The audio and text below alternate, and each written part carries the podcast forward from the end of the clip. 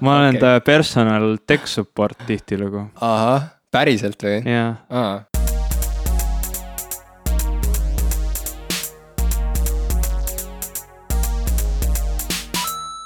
tere, minu nimi on Ivo Krustok minu nimi on Jim Ashilevi. ja meie oleme, sa ikka ei tea, jälle iga kord on mingi jama selle popkulturistidega. okei, okei, okei. popkulturistid oleme, ja, ja, no vot ma näe, kirjutan selle ülesse siis. kirjuta üles, ma, ma panen siia seinale suure post-it'i, -hmm. siukse meeter korda meeter Mm -hmm. ja siis on, siis on asi kohe selgem, aga ühe asja me tahtsime kohe alguses selgeks teha, mis asi see on? meile väga meeldib seda saadet teha ja me teemegi seda puhtalt oma entusiasmi pealt ja ainult äh, cool on olnud see, et me oleme näinud, et see reaalselt läheb korda teistele inimestele ka, et meil on oma kuulajaskond. ja väga lahe kuulajaskond, saad aru, võiks öelda isegi, et kõige lahedam ja kuulajaskond. iga kord, kui keegi inimene like ib meie lehte Facebookis, ma iga kord vaatan, kes see inimene on ja alati on tegu väga laheda inimesega mm.. Mm, ma mõtlesin, et sa ütled midagi sellist, et iga kord, kui keegi like ib meie Facebooki lehte, sünnib taevas uus inglik, inglikene või midagi sellist, aga, näiteks. Aga võib-olla, et jah, sellel lubadusel ei ole nagu katet või võib-olla see on lihtsalt nagu jah nagu, teadlasena ma nagu ei läheks nii kaugele. ärme lähe, aga räägime lihtsalt siis sellest, mis on.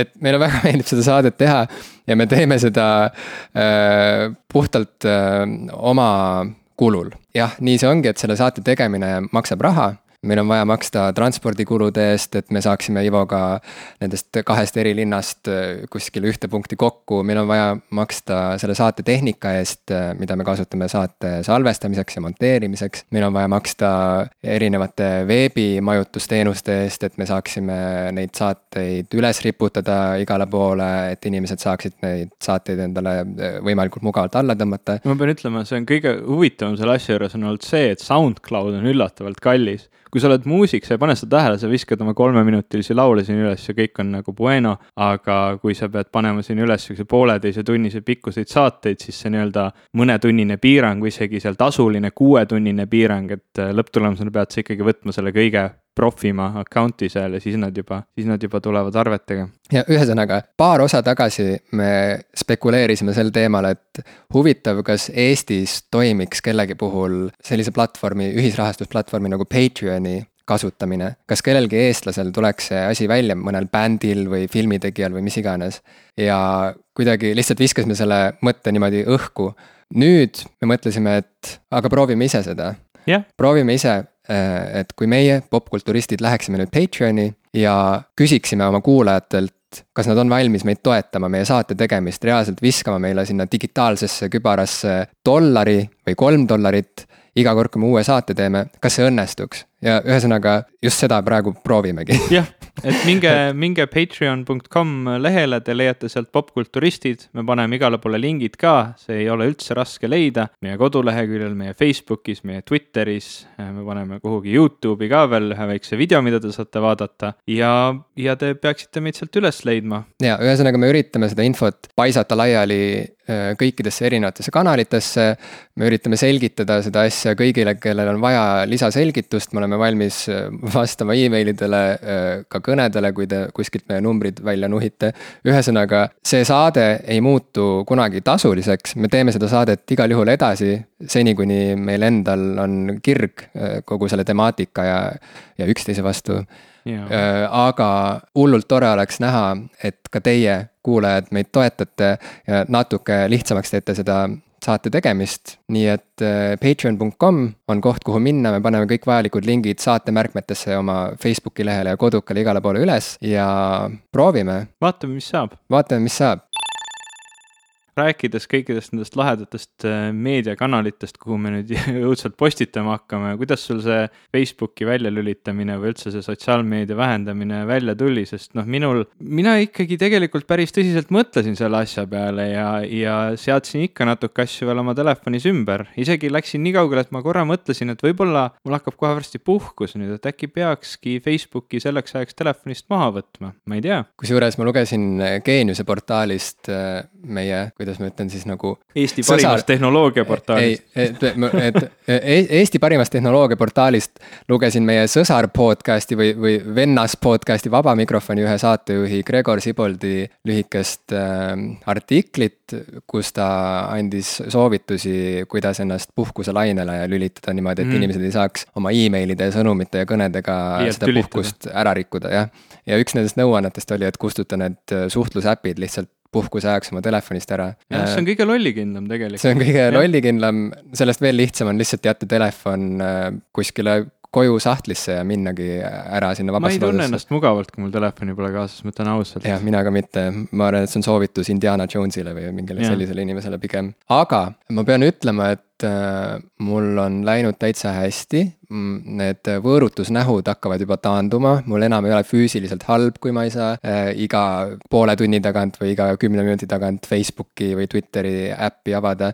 ma olen isegi jõudnud nii kaugele, et ma peaaegu et ei avagi neid äh, ühe ööpäeva jooksul või ma katsun vähemalt teha nii või kontrollida ennast, et ma noh, äärmisel juhul nagu avan neid sotsiaalmeedia äppe hommikul ja siis võib-olla õhtul enne magama minekut, kuigi ma üritan nagu ära jätta ka seda õhtust magama mineku eelset sotsiaalmeediandust, sest et see ergutab mu meeli ja kuidagi nagu lükkab mulle aiu mingisuguseid teemasid, mingeid, mingeid poleemikaid ja emotsioone, mida mul pole vaja tegelikult sel hetkel, kui ma tegelikult kavatsen uinuda. aga ühesõnaga, et äh, see dieet, see sotsiaalmeedia dieet on taaskord mulle tõestanud seda, mida ma juba ammu teadsin, et äh, tegelikult see mm, seda infot, mida ma tegelikult reaalselt vajan iga päev, seda ei ole nii palju, et ma peaksin äh, pidevalt istuma nendes sotsiaalmeedia keskkondades ja mida vähem ma neid äppe äppe näpin, seda rohkem ma olen nagu keskendunud tegelikult asjadele, mis päriselt mul igapäevaselt nõuavad nagu süvenemist, ärategemist. ja ma reaalselt olengi lihtsalt nagu natuke rahulikum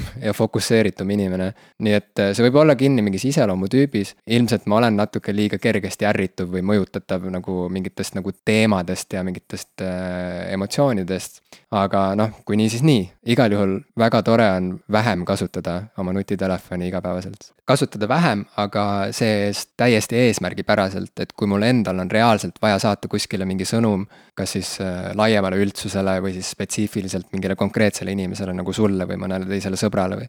et siis äh, see lihtsalt hoiab aega kokku, energiat kokku ja ma ei ole enam nii, äh, mu pea ei ole nii laiali, kui, kui see tavaliselt igapäevaselt on, aga kuidas sul on läinud selle asjaga? ma just mõtlesin selles sõnumite saatmise osas, et, et noh, Facebookis on ju nagu mitu tahku, et seal on see timeline nii-öelda see, see rulluv äh, uudiste kogus, mis sealt inimesed on jaganud, mis mõtteid nad on nii-öelda pilve visanud. ja siis seal on see nii-öelda messengeri pool või see koht, kus sa lihtsalt üks-ühele inimestega suhtled või mingeid grupivestlusi pead. ja mina nagu olen selle piiri endale kuidagi nii tõmmanud, et see, mis seal selle uudisvoo peal toimub, see on nagu selline asi, mida ma tahaks nagu vähem näha. et sealt ka võtta välja siukseid asju, noh, iga kord, kui sinna tuleb mingi asi, mis mulle huvi ei paku, mis on mingi mingisuguse teenuse või mingi uudisteportaali või asja poolt, mida ma ei taha näha, et seda ma kuidagi nagu sealt jälle püüan ära peita. noh, see on selline ülesmäkke ronimine, et eh, neid tuleb nagu kogu aeg juurde, aga see Messengeri pool mulle nagu üldiselt meeldib inimestega lihtsalt vahelduseks chat ida või, või lihtsalt niimoodi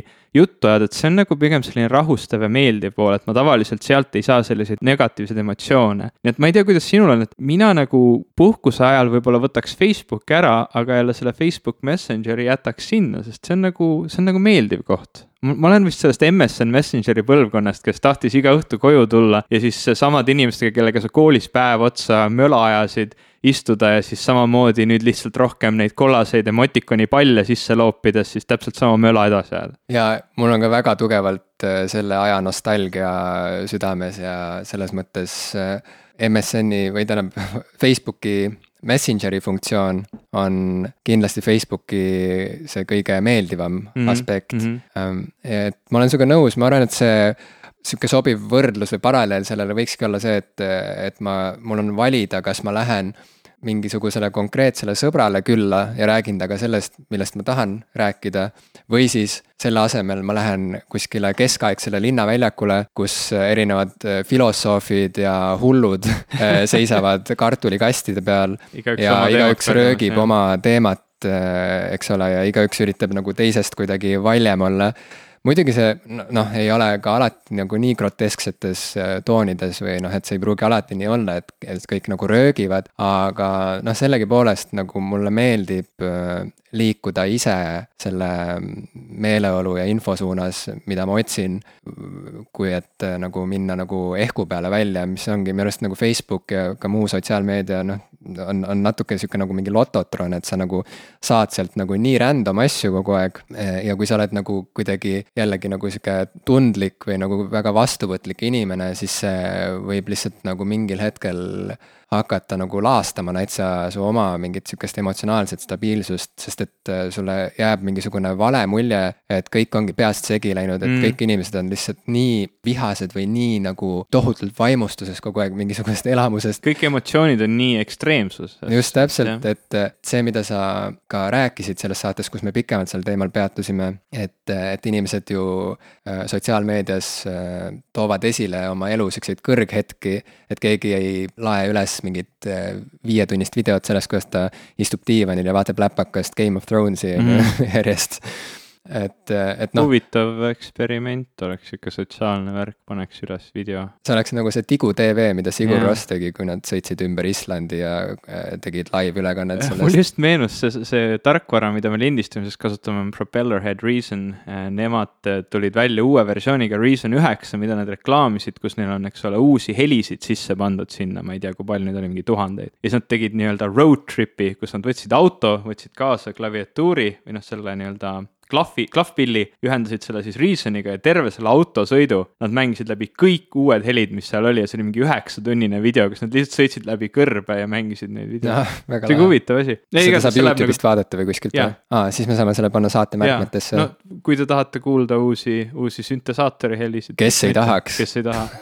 aga kui tagasi teemale läheme, siis ähm, selles suhtes ma olen nagu täiesti nõus, et need ekstreemsed asjad nagu jäävad torkima ja ma vahel ise ka, kui ma olen kellegagi kellegagi mingisse vaidlusse sattunud, isegi kui ma olen lugenud midagi, mis mind on ärritanud või kuidagi halva emotsiooni külge jätnud, et ma käin vahel päevi ringi ja, ja ikka nagu seda argumenti pean veel oma peas ja see ei ole nagu sihuke asi, mida ma väga tahan teha. sest noh, need, need asjad nagu jäävad sinuga, kui need on teemad, millest sa väga hoolid, ma olen sihuke küllaltki sügavalt inimesi armastav inimene, ma nagu püüan mõelda inimestest küllaltki positiivsetes toonides alati või võimalikult tihti. ja, ja ma lihtsalt noh, see on sihuke frustreeriv tunne, mis sul tekib, et sa nagu kuidagi ei saa asju suunata võib-olla sellelt sinnapoole, mis sa ise arvad, et on õige, kuigi see on nagu ka väga destruktiivne mõte, sest see, mida sina arvad, et on õige, ei ole nagu ilmselgelt kõigi jaoks õige, et noh mm -hmm lihtsalt, et neid, neid, neid konfliktseid emotsioone võib-olla endale vähem tekitada ja, ja, ja tuua need välja, ütleme, konstruktiivsemates kohtades,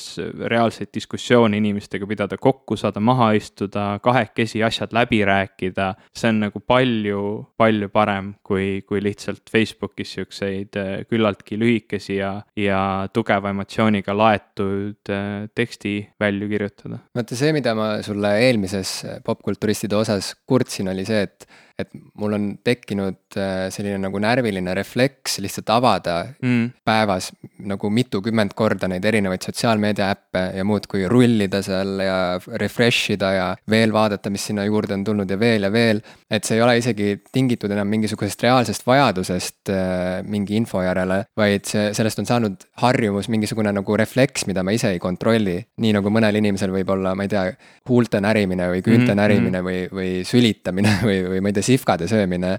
et äh, ma lihtsalt tahtsin sellest, sellest närvilisest refleksist lahti saada ja nüüd, kus ma tunnen, et ma olen nagu mm, kuidagi teadlikum äh, nende äppide avamise suhtes ja piiran seda päris karmilt ja enam ei tunne ennast füüsiliselt halvasti, sellepärast et ma endal neid äppe avada keelan.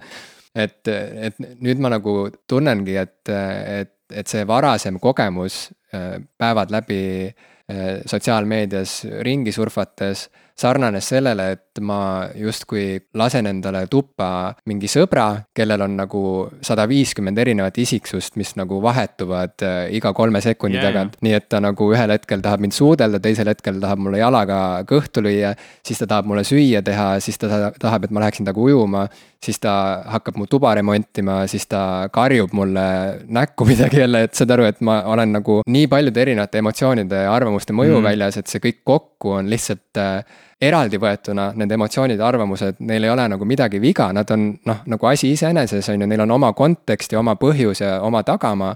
aga kui see kõik kokku panna nii lähestikku nagu sellisesse nagu ühte patta kokku, siis see kõik kokku on lihtsalt liiga segamini. ühesõnaga, et, et see ongi, see on mingisugune info tarbimise hügieen või mingisugune sihuke nagu oskus nagu reguleerida neid erinevaid infokraane ja kanaleid, mis eh, sinu nutiseadmesse kokku jooksevad. see on mingisugune asi, mida me peame õppima, mis ei ole ainult minusuguste neurootikute probleem, vaid ma arvan, on reaalselt asi, mida peabki õppima ka, ma ei tea, kolmandas klassis käiv äh, laps, et see on mingisugune. ma arvan, et järgmistel põlvkondadel see tuleb nagu loomulikumalt, nad, nad õpivad selles nagu üles kasvama, nad õpivad sellesse suhtuma hoopis teistmoodi kui meie ja ma arvan, et see tuleb loomulikumalt mina nüüd selle viimase paari nädala jooksul, noh, kogemus on nagu pigem selline, et ma seda Facebooki nii väga ära ei, ei blokeerinud või ennast ei, ei piiranud selles osas, et ma ikkagi käisin seal, vaatasin ringi, mingeid asju ma rohkem nagu piirasin seal, seal rakenduse enda sees ära, et ma näeks vähem ühtesid või teisi asju. aga rohkem ma pigem nagu keelasin endal uudistesaitidel käimist, et mul ongi täpselt nii, et nii Postimees kui Delfi kui, kui kõik need teised, ma ei tea, mis seal on, Päevaleht, neid, neid portaale on veel veel, kõik nad äh, suunavad ümber err.ee lehele ja siis, äh, kui ma tahan uudiseid lugeda, siis ma satun sinna. ja nüüd ma olen üldiselt äh, juba eoses, ma tean, et oi, ma hakkan nüüd avama, ah ja õige, ma niikuinii juba panin selle ära, nii et noh, pole mõtet. ja ma olen avastanud, et ma tean palju vähem kõiki neid peensusi ja detaile, mis maailmas kuskil igas nurgas, sest noh, iga päev juhtub midagi halba, midagi head, midagi neutraalset igal pool. Neid väikeseid asju ma ei kuule, aga väga hästi tulevad igalt poolt nendest filtritest läbi siuksed suured ja olulised asjad. ma tean, et Siim Kallas on Eesti presidendikandidaat Reformierakonna poolt või, või nende noh, kõik siuksed asjad, mida üks riigi kodanik võiks olla, noh, võiks teada või mida eeldatakse, üks inimene teab, kõik see tuleb läbi isegi siis, kui sa väldid uudiseid. see, see niikuinii jõuab sinuni. nii et eh, noh, mu esialgne hirm oli võib-olla see, et kui need asjad nagu liiga ära blokeerida, et siis sa lihtsalt ei tea, mis ümber maailmas toimub ja see on noh, ka omamoodi negatiivne, aga tegelikult see ei ole üldse nii, neid, neid asju võib isegi veel rohkem ära piirata ja sa ikkagi tead, mis maailmas toimub, et see ei, see ei ole nagu see, et ma promoksin õudselt mingit ignorantsust, et ärge üldse parem mitte midagi teada, aga lihtsalt parem on, on teada neid asju, mis on olulised sulle antud hetkel ja, ja mitte, mitte liiga palju infot endale kogu aeg sisse ahmida. ja ise reguleerida seda, millal sa oled valmis seda infot vastu ja. võtma, millal sul on reaalselt seda ajumahtu ja, ja seda energiat ja jaksu, et äh, nende teemadega tegeleda, et nendega kuidagi suhestuda, et astuda dialoogi mm. -hmm. sest et kui pidevalt nagu hoida seda feed'i lahti, siis sa oledki nagu mingisuguse infokose all lihtsalt konstantselt ja, ja noh, see lihtsalt aina tuleb ja tuleb peale. ja tegelikult sa ei astu sellega mitte mingisugusesse dialoogi, vaid sa lihtsalt nagu neelad seda seni, kuni sa enam neelata ei jaksa.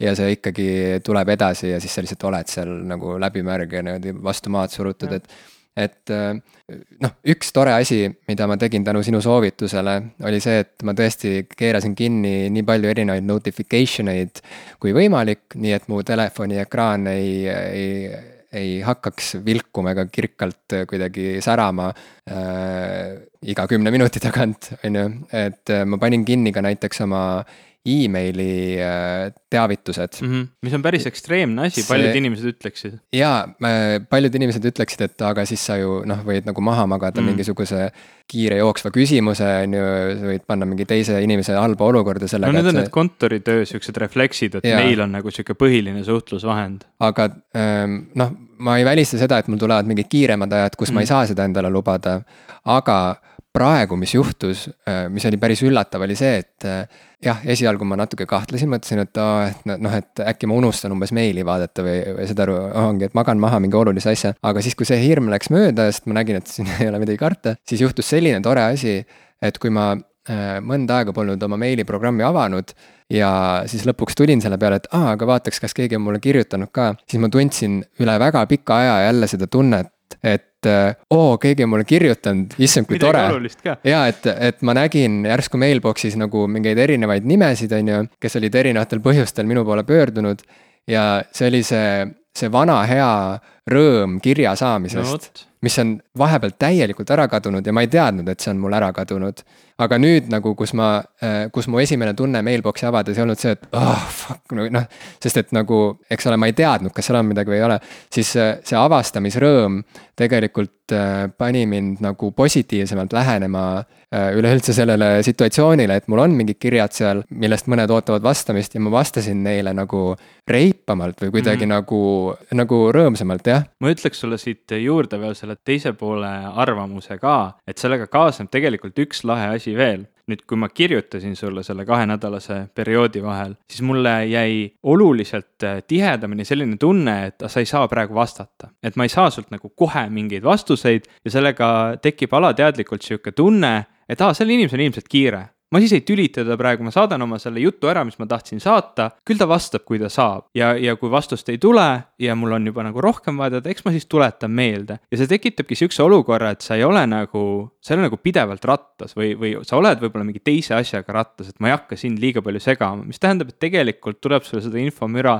juba sellepärast vähem, et sa oled nagu vähem kättesaadav. see nagu teises inimeses tekitab tunde, et ilmselt tal on kiire, ma ei tüüta. ja tegelikult see ei ole ainult mingi tühipaljas nagu mulje loomine, vaid äh, ma arvan, et see ongi vaimsele tervisele hädavajalik, et inimene oleks igas hetkes ja tegevuses kohal Mm -hmm. ma arvan, et see on üsna selline nagu epideemiline probleem tegelikult, vähemalt äh, internetiseerunud maailmas, et äh, inimesed äh, tegelevad kogu aeg kolme asjaga korraga ja see tekitab mingit sellist nagu motoorset rahutust lausa, sellepärast et äh, ei ole nagu seda energiat ega seda nagu äh, kuidagi nagu seda tuju isegi nagu nagu tegeleda nüüd konkreetselt selle ühe asjaga, sest et kogu aeg närib, nagu sääsed lendavad nagu pinisevad nagu pea ümber ja kõrvade ümber nagu need muud kohustused, mis juba ootavad seal järgmises kohas. Nii et kokkuvõttes inimene taandub selliseks nagu rahutuks äh, jah, oravaks rattas, kes nagu pidevalt ta teab, et ta peab lihtsalt edasi jooksma, jooksma, jooksma. aga ta ei saa kuskile jääda nagu pidama reaalselt, et nagu hinnata seda olukorda, kuidagi võtta sellest maksimumi, olla kohal ja olla nagu kogu oma võimekuses nagu selle olukorra kõrgusel, eks ole. vaid kogu aeg on sihuke tunne, et persse raisk nagu keegi kogu aeg nagu surgiks tagant, et nagu edasi, edasi, edasi, edasi. iga notification, mis tuleb, natuke torgib. no just täpselt, et, et kui kunagi ütleme notification ite ko koidikul oli päris tore äh, järsku näha, no ütleme, minnes tagasi nende ne,, nendesse päevadesse, kus äh, me suhtlesime oma sõpradega MSN Messengeris Yeah. see oli nagu kihvt, kui sa järsku nagu nägid, et seal toanurgas ekraanil vilgub midagi, et oo, mu sõber kirjutas tead, mulle. juba siis ja veel eriti siis lülitasin ma kõik helid MSN Messengerist välja, sest see oli see õhtul koju tulles ja siis nagu ma ei tea, kümne inimesega korraga vestlust pidades erinevates akendes, mitte grupivestlusena, nagu nüüd on, on nagu levinum. siis äh, see helisein, mis sealt vastu tuli iga selle nii-öelda mulliga või iga, iga emotikoniga oli ikka päris, päris äh, muljetavaldav. et noh, ma ütlen ausalt äh,, olles kodus äh,, kui ma lähen oma kaheaastase tütrega näiteks õue mänguväljakule liivakasti mängima, siis tegelikult äh, ma olen üsna pettunud endas lõpuks, kui ma avastan ennast tegemas nagu mingeid muid asju samal ajal, et ma ei suhtle temaga vahetult ja otse ja siin hetkes olles, vaid ma hoian peos oma telefoni, võib-olla üks klapp on kõrvas, kuulan mingit podcast'i, samal ajal saadan kellelegi mingit sõnumit äh, Facebooki Messengeris ja siis pärast seda hakkan nagu mingit artiklit läbi kammima, mille. ja siis vahepeal jah, teen lapsest mingi ägeda boomerang video, mille ma panen Instagrami, eks ole. justkui näitamaks, et näed, kui tore isa ma olen, et ma siin nagu pühendun ja veedan aega. kuigi tegelikult on ju, ma lihtsalt äh, ei ole ei siin ega seal mm aga mul on väga hea meel, et, et see notification te kinnikeeramine oli minu poolt siis nagu positiivne soovitus. see oli väga hea soovitus ja ma soovitaksin seda kohe kõigile edasi ka no. et nii palju kui võimalik piirata igasugust nagu igasuguseid hüpikaknaid erinevaid helisignaale, vibratsioone, tõmmata see kõik miinimumi ja vaadata, et kui kaugele, kui koomale seda rihma saab tõmmata. katsetada lihtsalt, kuidas endal, endal see tunne on, jah mis, mis see sinu jaoks tähendab, see rihm, rihma koomale tõmbamine, sest see on igal inimesel erinev. just. kui te arvasite, et see teema oli meie jaoks nagu ilmselgelt üle pea selline liigselt psühholoogiline meie kahe täiesti teadmatu või ütleme, mittespetsialisti poolt, siis nüüd me otsustasime, et me võtame veel keerulisema teema ja räägime täna imposter syndrome'ist, mis on asi, millega, nagu ma aru saan, oleme mõlemad äh, päris oluliselt kokku puutunud. just täpselt. kuidas me tõlgiks seda? Kas me ütleme eesti keeles, ütleme ikka mm, eesti keeles? ma ütleks. petise sündroom. petise sündroom või, või siis nagu sissetungija sündroom. sissetungija kõlab kuidagi imelikumalt mm., aga see on fraud, fraud syndrome, ei mm.. igal juhul jah, siukse nagu okei okay,, petise sündroom, miks mitte. ütleme petis.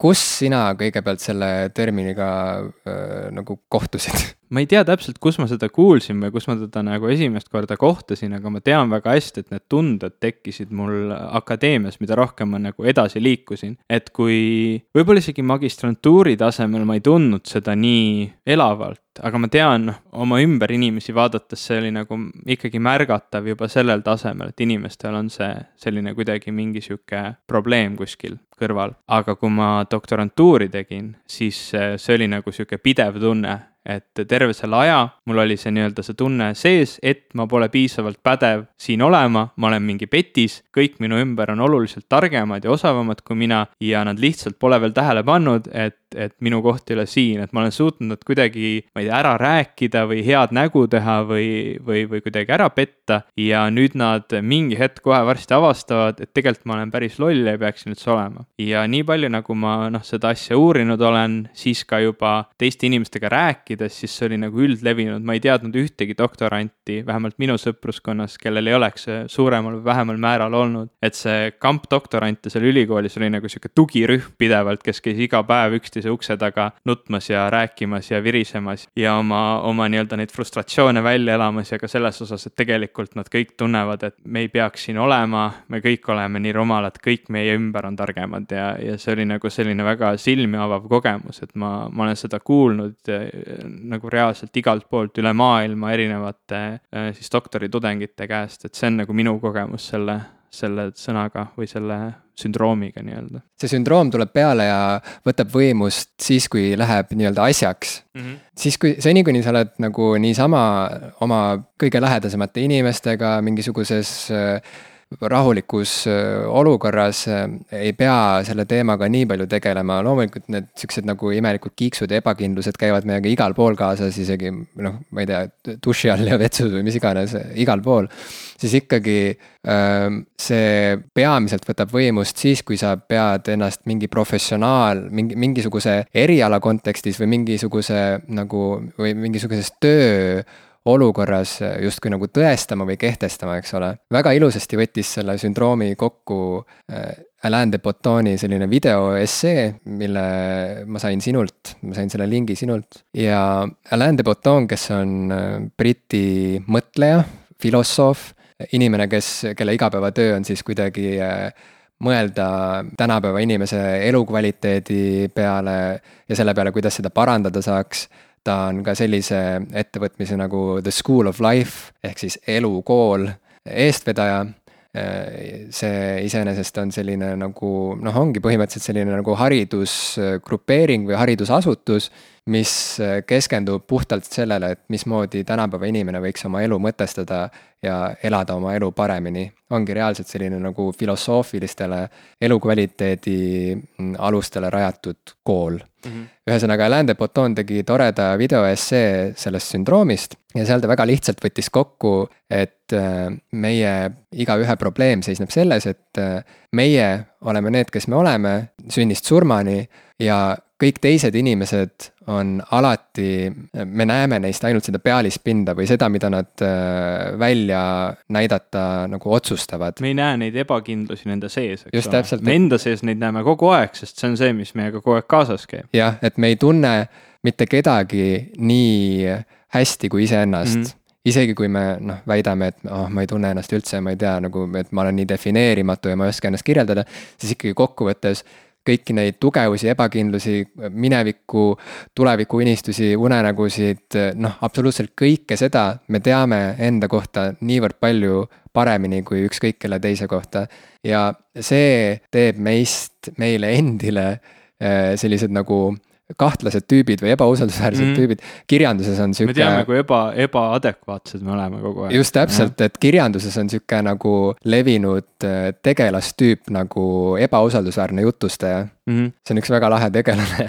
see on, see, see tähendab seda, et, ähm, et äh, see on tegelane, kes jutustab lugejale küll oma lugu, aga kelle puhul me näeme, äh, et tegelikult noh, me ei saa tema, me ei saa tema sõnu võtta tegelikult üks-ühele tõe pähe, sest et ta ei pruugi okay., ta ei pruugi olla tegelikult adekvaatne äh, hindama neid olukordi, milles ta end leiab ja ta ei pruugi meile jutustada seda asja nii, nagu see nii-öelda päriselt oli mm. -hmm. ehk siis äh, ta on selline tegelane, kellega meil on tegelikult väga lihtne samastuda, sest et mm -hmm. mõnes mõttes me kõik oleme ebausaldusväärsed jutustajad oma, oma eludes, eks ole.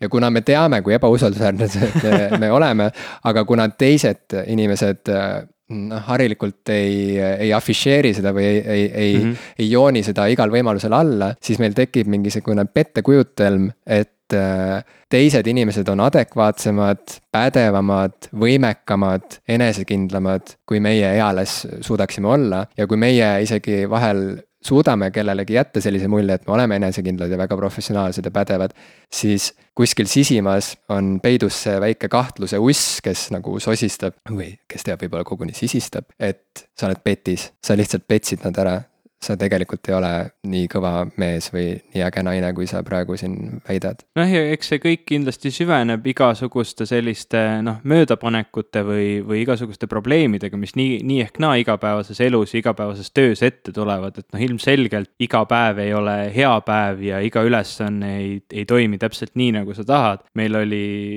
just jällegi tuues näiteid akadeemiast, et kui ma eksperimente välja mõtlesin, ehitasin, disainisin, tegin, katsetasin, proovisin, enamus aega kulus läbikukkumistele, nagu suurem osa kõiki plaane ja mõtteid, mis ma tegin, enamus nendest kukkus läbi ja siis need üksikud, noh, üks eksperiment võis võtta aega võib-olla paar nädalat, maksimaalselt võib-olla kuu. oli ka pikemaid eksperimente, mida ma oma, oma noh, tudengipõlve lõpus siis tegin koos teiste inimestega, mis võtsid võib-olla aastaid aega või, või noh, ütleme, mis siiamaani käivad edasi. aga need on erand, sa teed siukseid väikseid laboriskaalas katseid, need võtavad aega võib-olla paar nädalat, aga selleks, et see asi ära teha, see üks katse ära teha, kulus võib-olla kuid, pool aastat. noh, see eriti veel sellest hetkest, kui sa said veel need analüüsid publitseeritud, oma tulemused kuidagi kirja pandud, välja saadetud, keegi võttis nad veel vastu ja publitseeris. see võis võtta kaks aastat aega sellest hetkest, kui sa alustasid ja terve selle aja sa tundsid, et sa oled läbi kukkunud, sest sa pole suutnud seda tööd ära teha. sa pole suutnud teha ära seda, mida sinult eeldatakse, ehk siis seda, et äh, korralda see katse, saa need tulemused publitseeri need tulemused, liigu edasi järgmisele asjale. kogu aeg sa nagu tundsid, et sa ei, sa ei ole sellega hakkama saanud, sest võib-olla tõesti selle asja publitseerimine võttis kaks aastat aega, sa ei jõudnud selle lõpuni, võib-olla veel kauem. ja see oli tavaline, et eh, noh, seal nagu tekkiski see, see mõte, et sa pead selle enda jaoks nagu hästi selgeks tegema, sa pead tunnetama ka teiste inimeste kogemusi. mistõttu see jube hästi aitas, et meil oligi võib-olla selline noh, see sihuke eriskummaline olukord, et ma ei kujuta ette, see väga paljudes töökohtades niimoodi oleks, et sa võid tõesti minna kõikide oma kolleegidega rääkima oma muredest ja, ja rääkima, kui, kui halvasti kõik on ja kuidas sa tunned ennast nagu täielik läbikukkuja ja keegi ütleb, et tead, mina tunnen ka, ära muretse, et see noh, et see ongi niimoodi, et, et seal just see nagu teiste, teiste probleemide mõistmine ja enda probleemidele laiemasse konteksti panemine oligi nagu see, mis sind lõpuks nagu aitas sellest läbi. sest kui sa jäid ainult nagu enda pähe kinni nende asjadega, siis sul tõesti ei olnudki midagi nagu, mis tõestaks vastupidist. sul ei tulnud noh, väga harv, et umbes ülemus tuleb sisse, patsutab õlale, kuule, see asi läks sul hästi. noh, sul ei olnudki mingit asja, mida sa teed, sa kogu aeg teed sedasama ühte asja ja nii juba pool aastat sa teed ikka veel seda ühte asja, sul kogu aeg ebaõnnestub mm. -hmm.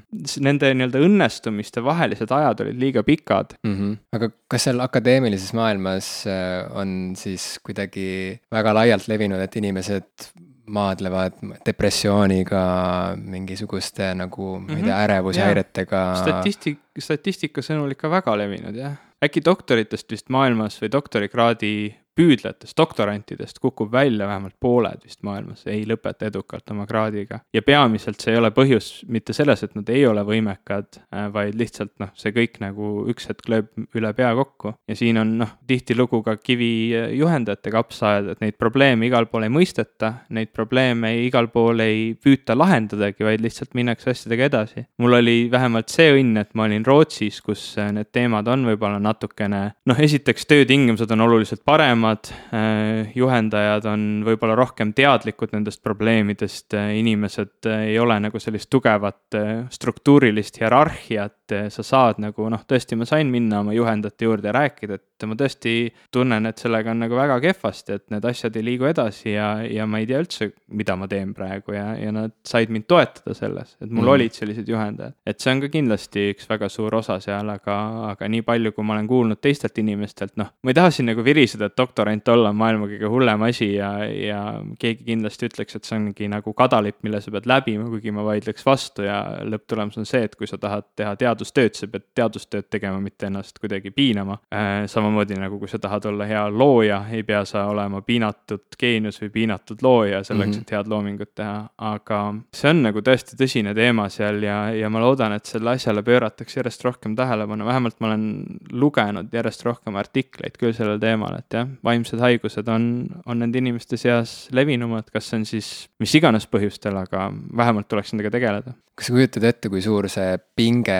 ja surve võib olla veel millises Aasia riigis on need keskkooli lõpueksamid, mis põhimõtteliselt panevad paika kogu su ülejäänud elu trajektoori nagu professionaalses mõttes vähemalt, kas see oli Hiina või Jaapan? see võib ka em..., noh, ma tean, et vähemalt Hiinas on pigem nagu see suur probleem, et äh, inimesi või tudengeid on igal aastal liiga palju, kes tahaksid jõuda järgmisele astmele ja neid nii-öelda astmeid, kuhu peale astuda on nii vähe, et sul see meeletu, meeletu konkurents, mis ümber on, on nagu lihtsalt nii suur, et sa lihtsalt ei suuda seal nagu läbi lüüa, sa ei suuda esile tõusta mm. kuidagi. ma ei mäleta jah, kummas riigis see oli, aga sellest on, ma olen näinud sellest isegi mingeid dokumentaalfilme, et äh, on üks konkreetne keskkooli lõpueksam, mille tulemusest sõltub otseselt see, kas sinust nii-öelda saab mingisuguse, mingisuguse eduka ettevõtte äh, või muu institutsiooni töötaja mm -hmm. või või mitte iialgi et ja, ja, ja see põhjustab mingit tohutut stressi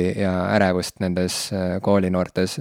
põhimõtteliselt nad nagu sellest hetkest alates, kui nad, ma ei tea, lugema õpivad, äh, hakkavad nagu valmistuma selleks oluliseks hetkeks, mis määrab, mis määrab kõik põhimõtteliselt. et noh, et päris nagu nii pöörast asja meil nagu siin, siinkandis ei ole, aga see kõik, mida sa räägid, on äh, siiski, noh, see on päris õudne. Ühest küljest ja teisest küljest õudselt tuttav jah, me peakski nagu kuidagi sinna rihtima, et me ei räägi sellest mitte ainult sellises akadeemilises äh, kontekstis, vaid kui võtta lahti Vikipeedia artikkel imposter syndrome'ist ja vaadata seal, kes need äh, nii-öelda kuulsad näited on, ma ei tea, kas see on positiivne või negatiivne, et sellisel artiklil noh, nagu, et siin on üks probleem, näete, kuulsad näited, eks ole, et inimesed, kellel veel see probleem on, et seal on nagu peamiselt kirjanikud ja näitlejad välja toodud, et äh, ma vaatasin, seal oli Neil Gaiman on välja öelnud, et tal on sellega olnud probleeme oma karjääri jooksul ja Emma Watson, näitleja, kes siis mängis Harry Potteri filmides, ma ei tea, seda ei pea ilmselt selgitama, inimesed teavad seda niikuinii. John Green oli, John Green on muidugi väga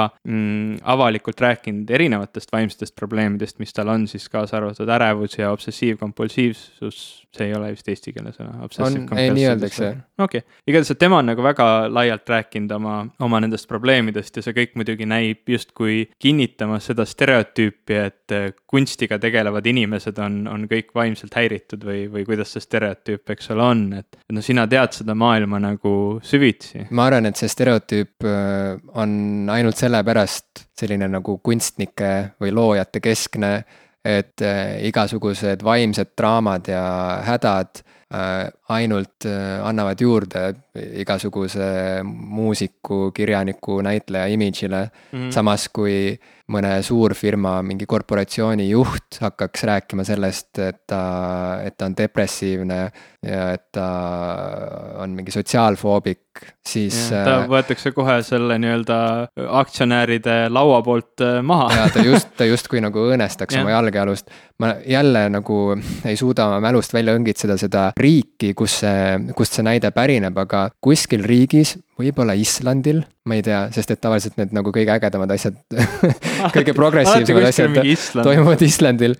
et võib-olla see oli Islandil, kus mingisugune juhtiv poliitik, noh, praktiliselt ma ei tea, kas peaminister või, või president äh, tunnistas avalikult, et ta on maadelnud depressiooniga ja tegeleb sellega siiamaani ja ühesõnaga, et noh, et äh, julges näidata nagu oma sellist nagu inimlikku haavatavat äh, nõrka poolt. ja see ei teinud talle kuidagi kahju, et see ei teinud tema mainele kahju, vaid seda toodi esile kui mingit väga positiivset näidet, et näete on võimalik jääda nagu nii-öelda nagu iseendaks ja inimlikuks ka siis, kui sa oled kuskil nagu võimuladvikus, mm. eks ole. ja ma olen täitsa kindel, et tegelikult nendel kõrgematel kohtadel on väga palju neid inimesi, kes selliste noh, kas selle petise sündroomiga või, või erinevate vaimsete probleemidega noh, kogu aeg tegelevad, sellepärast et noh, need on ääretult levinud asjad, statistiliselt juba neid inimesi peab seal olema ja tegelikult see meeletu vastutus ja probleemide hulk, mis sinu peale pannakse, noh, ei soodusta ka seda, et sa nagu kogu aeg suudad olla sellise väga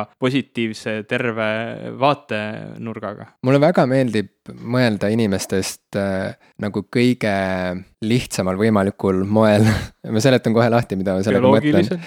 ei see kindlasti ei oleks kõige lihtsam ah no okei okay. okay,, bioloogiat saab ka väga lihtsalt äh, seletada, aga tegelikult bioloogia võib olla ka ääretult keeruline, mida sina tead ilmselt äh, pikalt-laialt äh, lahti seletada, aga mida ma silmas pean, on see, et vaata, maailmas on olemas ju mingisugused teatavad sellised e-, eestvedajad või, või staarid või, või sellised nagu kuulsused, kelle ümber justkui kogu ülejäänud maailm tiirleks kõige lihtsam on võtta näiteid näiteks poliitikast, kus me, me võime ju rääkida, et maailmas on nii palju erinevaid riike ja erinevaid valitsusi ja riigikordasid, aga jällegi, kui on vaja nagu maailma asjadest rääkida nagu võimalikult lihtsalt ja konkreetselt, siis võetakse ikkagi lauale ainult, eks ole, Venemaa ja USA noh, laias laastus ja võib-olla sinna kõrvale siis Aasia es. esimene ja teine maailm ja siis tuleb kolmas ja. maailm, eks ole. et, et kõik muu on juba sihuke nagu, kõik muu on juba muu jutt. kõik muu ongi kolmas, see oli aga... nagu see külma sõja aegne, eks ole, on USA, Venemaa ja kolmas ja. maailm et äh, Nõukogude Liit. nii et kui nagu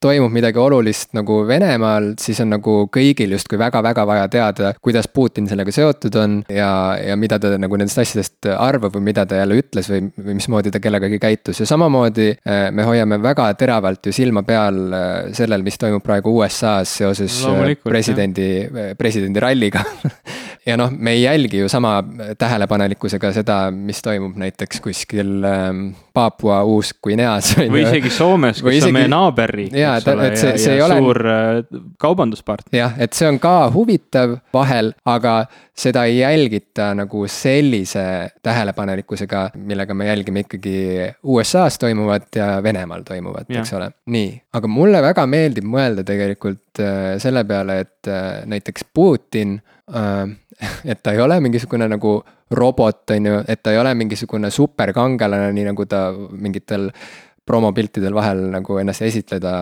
tahab, kui ta on seal ilma särgita ja ma ei tea, veab nagu mingit surnud karu metsas nagu endal järel, on ju. et lihtsalt nagu nii rahustav on minu jaoks mõelda, et ka temal algab ju päev nii nagu meil, et ta ärkab üles, tal on olnud mingisugune unenägu.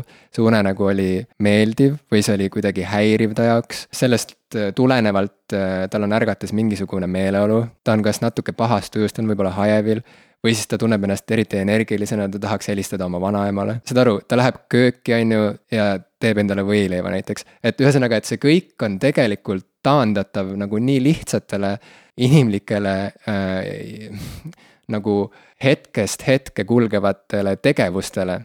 ja lõpuks see, mida me temast teame, ongi põhimõtteliselt mingisugune nagu superkangelase kuvand või mingisugune nagu üliinimlik äh, mingisugune nagu pilt, mis tegelikult eales ei, ei saa vastata tõele või mis tegelikult eales ei saa äh, võrduda sellele, sellega, äh, missugune ta nagu, nagu selles oma argises olekus on.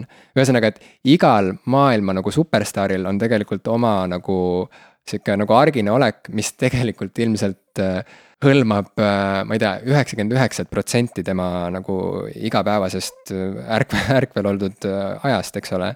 et need hetked, mida meie, mis lõpuks nagu kaamerate ette jõuavad, need hetked on need superstaari hetked ja kuna me muud ei näe siis meile jääb mingi vale mulje, et need inimesed ongi midagi enamat kui lihtsalt inimesed. Ja samamoodi Ameerika president on tegelikult kokkuvõttes lihtsalt mingi, mingisugune elav bioloogiline nagu sihuke nagu surma poole liikuv inimkeha, kellel on söögiisu vahel, kellel on imelikud tujud, kes lõikab oma varbaküüsi.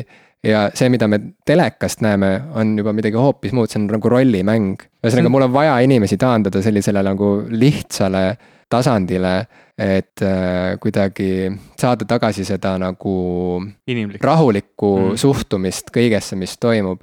ja kui me räägime imposter syndrome'ist, siis äh, noh, mulle tundubki, et see, see toitub ainult sellest, mida me eeldame teistest inimestest. ja me kuidagi armastame või tegelikult ei armasta, vaid meil on lihtsalt nagu halb komme tõsta inimesi mingitele võimatutele pjedestaalidele ja unustada ära, et me kõik oleme tegelikult täpselt sama segaduses ja veidrad ja iseendalegi arusaamatud kui me ise ma just hakkasin mõtlema, et huvitav, mis tunne on olla president, ma ei tea, ÜRO presidentide kokkutulekul või maailma liidrite kokkutulekul, kas sa tunned ka siis ennast kuidagi petisena seal maailma kõige tähtsamate, suuremate riikide liidrite seas või, või kuidas see on, ma kujutan ette, et see on kindlasti sihuke aukartust äratav isegi siis, kui sa oledki mingisuguse suure riigi president ja ise väga tähtsal kohal. kuigi ma ei tea, noh, võib-olla seal on mingid teised asjad tulevad mängu, mis, mis võimaldavad su egol sellest mööda vaadata või väga huvitav, aga mis tunne on olla näiteks näitleja, võib-olla alles hiljuti kooli lõpetanud, sa lähed mingisse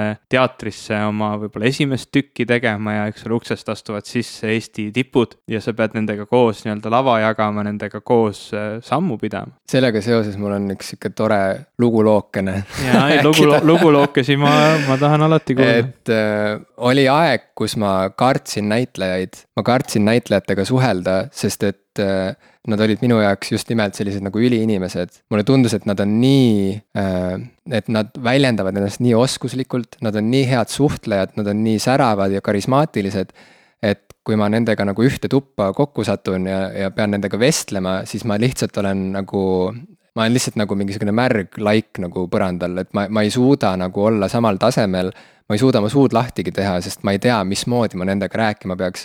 see tunne tulenes sellest, et ma lihtsalt austasin näitlejaid nii väga ja mulle tundus, et ma ei ole neile nagu võrdväärne vestluspartner isegi mitte.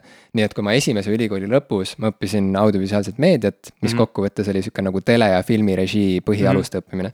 me tegime kursuse vennaga Margus Karuga bakalaureuse tööks ühe komöödiasarja pilootosa ja ise kirjutasime selle, ise lavastasime, ise produtseerisime ja peaaegu, et oleksime seda ka hakanud tootma reaalselt ühes Eesti telekanalis. aga põhjus, miks me ei hakanud seda tootma, seisnes selles, et mina režissöörina tundsin ennast lihtsalt nii äh, ebakindlalt näitlejatega suheldes, et mulle tundus, et ma ei saa seda sa ei julge neid juhendada kuidagi? jaa, ma ei saa seda tööd teha, kui ma ei julge neid juhendada ja üks väga nagu ilmekas juhtum oli, oli seal võtetel, mis on, ma arvan, et mul nagu elu lõpuni jääb meelde.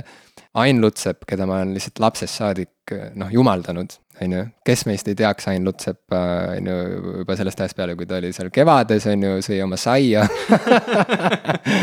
Ja, ja, ja, ja, ja sealt edasi ühes Eesti kõige lahedamas filmis Lammas all paremas nurgas, on ju, võib-olla cool imat noortefilmi ei tehtagi mitte kunagi Eestis enam. ei tea, muidugi jah. Latt on väga kõrgel. Ja sealt edasi kõik need teatrirollid, mis ta on teinud, ühesõnaga elav legend minu jaoks. Ja, ja ja Ain Lutsepp tegi ka ühe väikse kõrvalrolli selles äh, sarja pilootosas ja me tegime mingisuguse, filmisime mingit stseeni, kus tal, ma ei tea, ta oli seal ühe reklaamiagentuuri nagu äh, mingisugune ülemus ja siis andis sekretärile mingisuguse ülesande, midagi ta pidi seal ütlema talle. filmisime selle üles ja, ja panime kaamera kinni ja siis ma nagu jäin niimoodi seal mõtlema, et ei, me vist peame seda nagu veel filmima, sest see ei olnud päris see nagu, et see, mismoodi ta seda tegi, see ei olnud päris see, nagu ma, nagu ma oleks tahtnud ja ja siis ma ütlesin nagu väga arglikult Ain Lutsepale, et kuule, et ma arvan, et me peaksime seda stseeni veel filmima. ma ei ole päris kindel, et kui... see oli nagu kõige õigem lahendus, et kui me nüüd, noh, mitte et teie midagi valesti oleksite teinud, ma lihtsalt mõtlen, et võib-olla ja just täpselt, just täpselt nii see kõlas, mille peale Ain Lutsepp ütles, et oot-oot-oot, ei, ära muretse, sa vaatad selle asja hiljem üle, hiljem üle, sa näed, et see on olemas, see on olemas. me ei pea seda rohkem tegema, see on olemas. ja ma mina ei, teen ainult ühe võtte ma ei julgenud talle vastu vaielda sellepärast, et esiteks, kaks põhjust, esiteks sellepärast, et ta on Ain Lutsepp, elav legend. Ja no, loomulikult, on ju, see inimene on näidelnud kauem, kui mina olen elanud, on ju no.. nii et, nii et kellega ma siin vaidlen? Ja teiseks, samal ajal oli käimas, ma ei tea, kas jalka mm või em äh,. fännid kindlasti, jalkafännid teavad, aasta oli siis kaks tuhat kuus. okei. okay nii äh, ja, ja ta tahtis minna koju, et, et ta tahtis jõuda jalka ajaks koju, saad aru. Okay. nii et ma ei saanud teda kinni hoida seal nagu, sest et ta, ta oli valmis tegema oma töö ära ja, ja, ja ta tahtis jõuda vaatama. nagu jalkat ja. vaatama ja nii jäi. nagu tavaline Eesti inimene tööl ka mõtleb, et saaks nüüd koju olümpiat vaatama. ja, ja siis, ja siis pärast seda mõtlesin nagu noh, fuck, vaata nagu no vaat nii noh, nii minust küll nagu head režissööri ei saa. no vot et. see on küll väga huvitav. ja siis ma otsustasin, et ma pean minema teatrikooli, et nagu harjuda näitlejatega, mm. et, et õppida nendega nagu rääkima alustuseks. aitas see? ja see aitas, ma enam, ma ei, tõesti, mul ei ole enam sedasama krampi ajavat äh, hirmu äh, näitlejatega suhtlemise ees, vastupidi, nüüd ma pigem nagu tunnen, et näitlejaskond või noh, näitlejad on isegi minu nagu sihuke turvatsoon pigem. Nendega et, on alati millestki rääkida. just täpselt, et mm. isegi kui ma satun mingi võhivõõra näitlejaga, ma ei tea, mingis ühest linnast teise sõitvasse bussi nagu mingi kõrvuti istuma, on ju. et siis ma äh, ei tunne võib-olla sedasama ebamugavust, mida ma tunneksin mingisuguse muu võõraga kõrvuti istudes, kellega ma olen millegipärast sunnitud vestlema terve tee mm. -hmm ühesõnaga, mul on kohe nagu see mingisugune ühine pinnas olemas yeah. või see mingi, me, me viibime mingis samas mullis. see on nagu teadlaste vahel, et sul ainult üks küsimus on vaja esitada, et aa, millega sa tegeled või noh, nagu antud kontekstis yeah., mis uurimustööga sa yeah. tegeled ja sellest võib tundideks ja sa võid mitu tundi rongis või lennukis ühe inimesega sõita ja sealt kaugemale ei olegi vaja jõuda. jaa, nii et ühesõnaga läks mööda aastaid ja ma seal Viljandi teatrikoolis kohanesin ja õppisin rääkima näitlejatega ja see Ain Lutsepa lugu, sellel on sihuke mõnus epiloog ka, ma räägin selle ka lühidalt yeah. ära. et, ähm, et möödus aastaid ja lõpuks äh, ma siis äh, töötasin reaalselt näitlejana Von Krahli teatris ja mind kutsuti Draamateatrisse tegema ühte pisikest rolli, ühte sellisesse nagu sõjapõgenike draamasse põhimõtteliselt, kus nagu sõjapõgenikud äh, lähevad, äh, tungivad Euroopasse, kuskile Euroopa Liidu äh, nagu piiriala riiki ja võtavad üle ühe kiriku ja ei ole nõus sealt lahkuma, enne kui neile antakse asüüli ja siis noh, etenduse lõpuks lastakse nad maha muidugi, on ju, ja siis on suur moraal, et noh, näete, kui ebainimlikud me kõik oleme.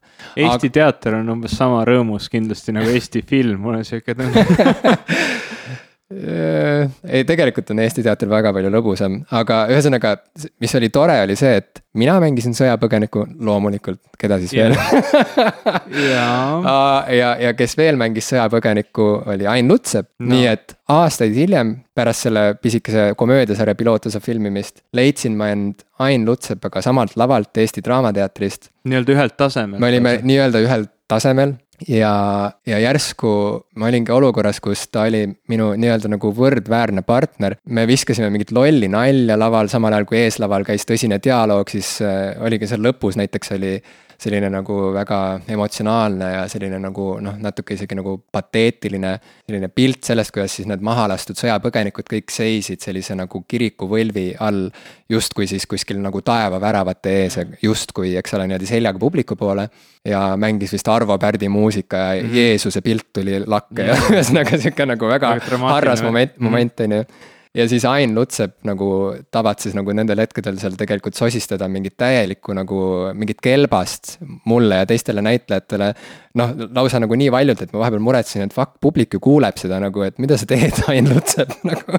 me oleme praegu, me oleme praegu maha lastud sõjapõgenikud, Jeesus on laes, Arvo Pärt mängib, kõik nutavad, on ju. ja, ja, ja jälle sa räägid siin jalkast või nagu küsid, et mida keegi süüa tegi nagu ühesõnaga, et ta nagu togis seal inimesi ja viskas mingit lolli nalja. ja see oli lihtsalt nii tore kuidagi nagu järsku nagu olla sellest nagu teisel pool seda lävepakku, kus ma järsku nagu näen teda lihtsalt mingisuguse nagu normaalse sellise nagu noh, krutskeid täis sellise nagu toreda nagu tüübina, et ta ei ole enam see jumalus, kellega suheldes mul jäävad sõnad kurku kinni ja ühe etenduse lõpus mul oli miskipärast äh, halb olla, äh, mul hakkas pilt eest ära minema. Ja, ja siis oligi selline harras moment. ja siis oligi selline harras moment, et Jeesus oli laes, Arvo Pärt mängis, sõjapõgenikud seisid taevavõlvi all.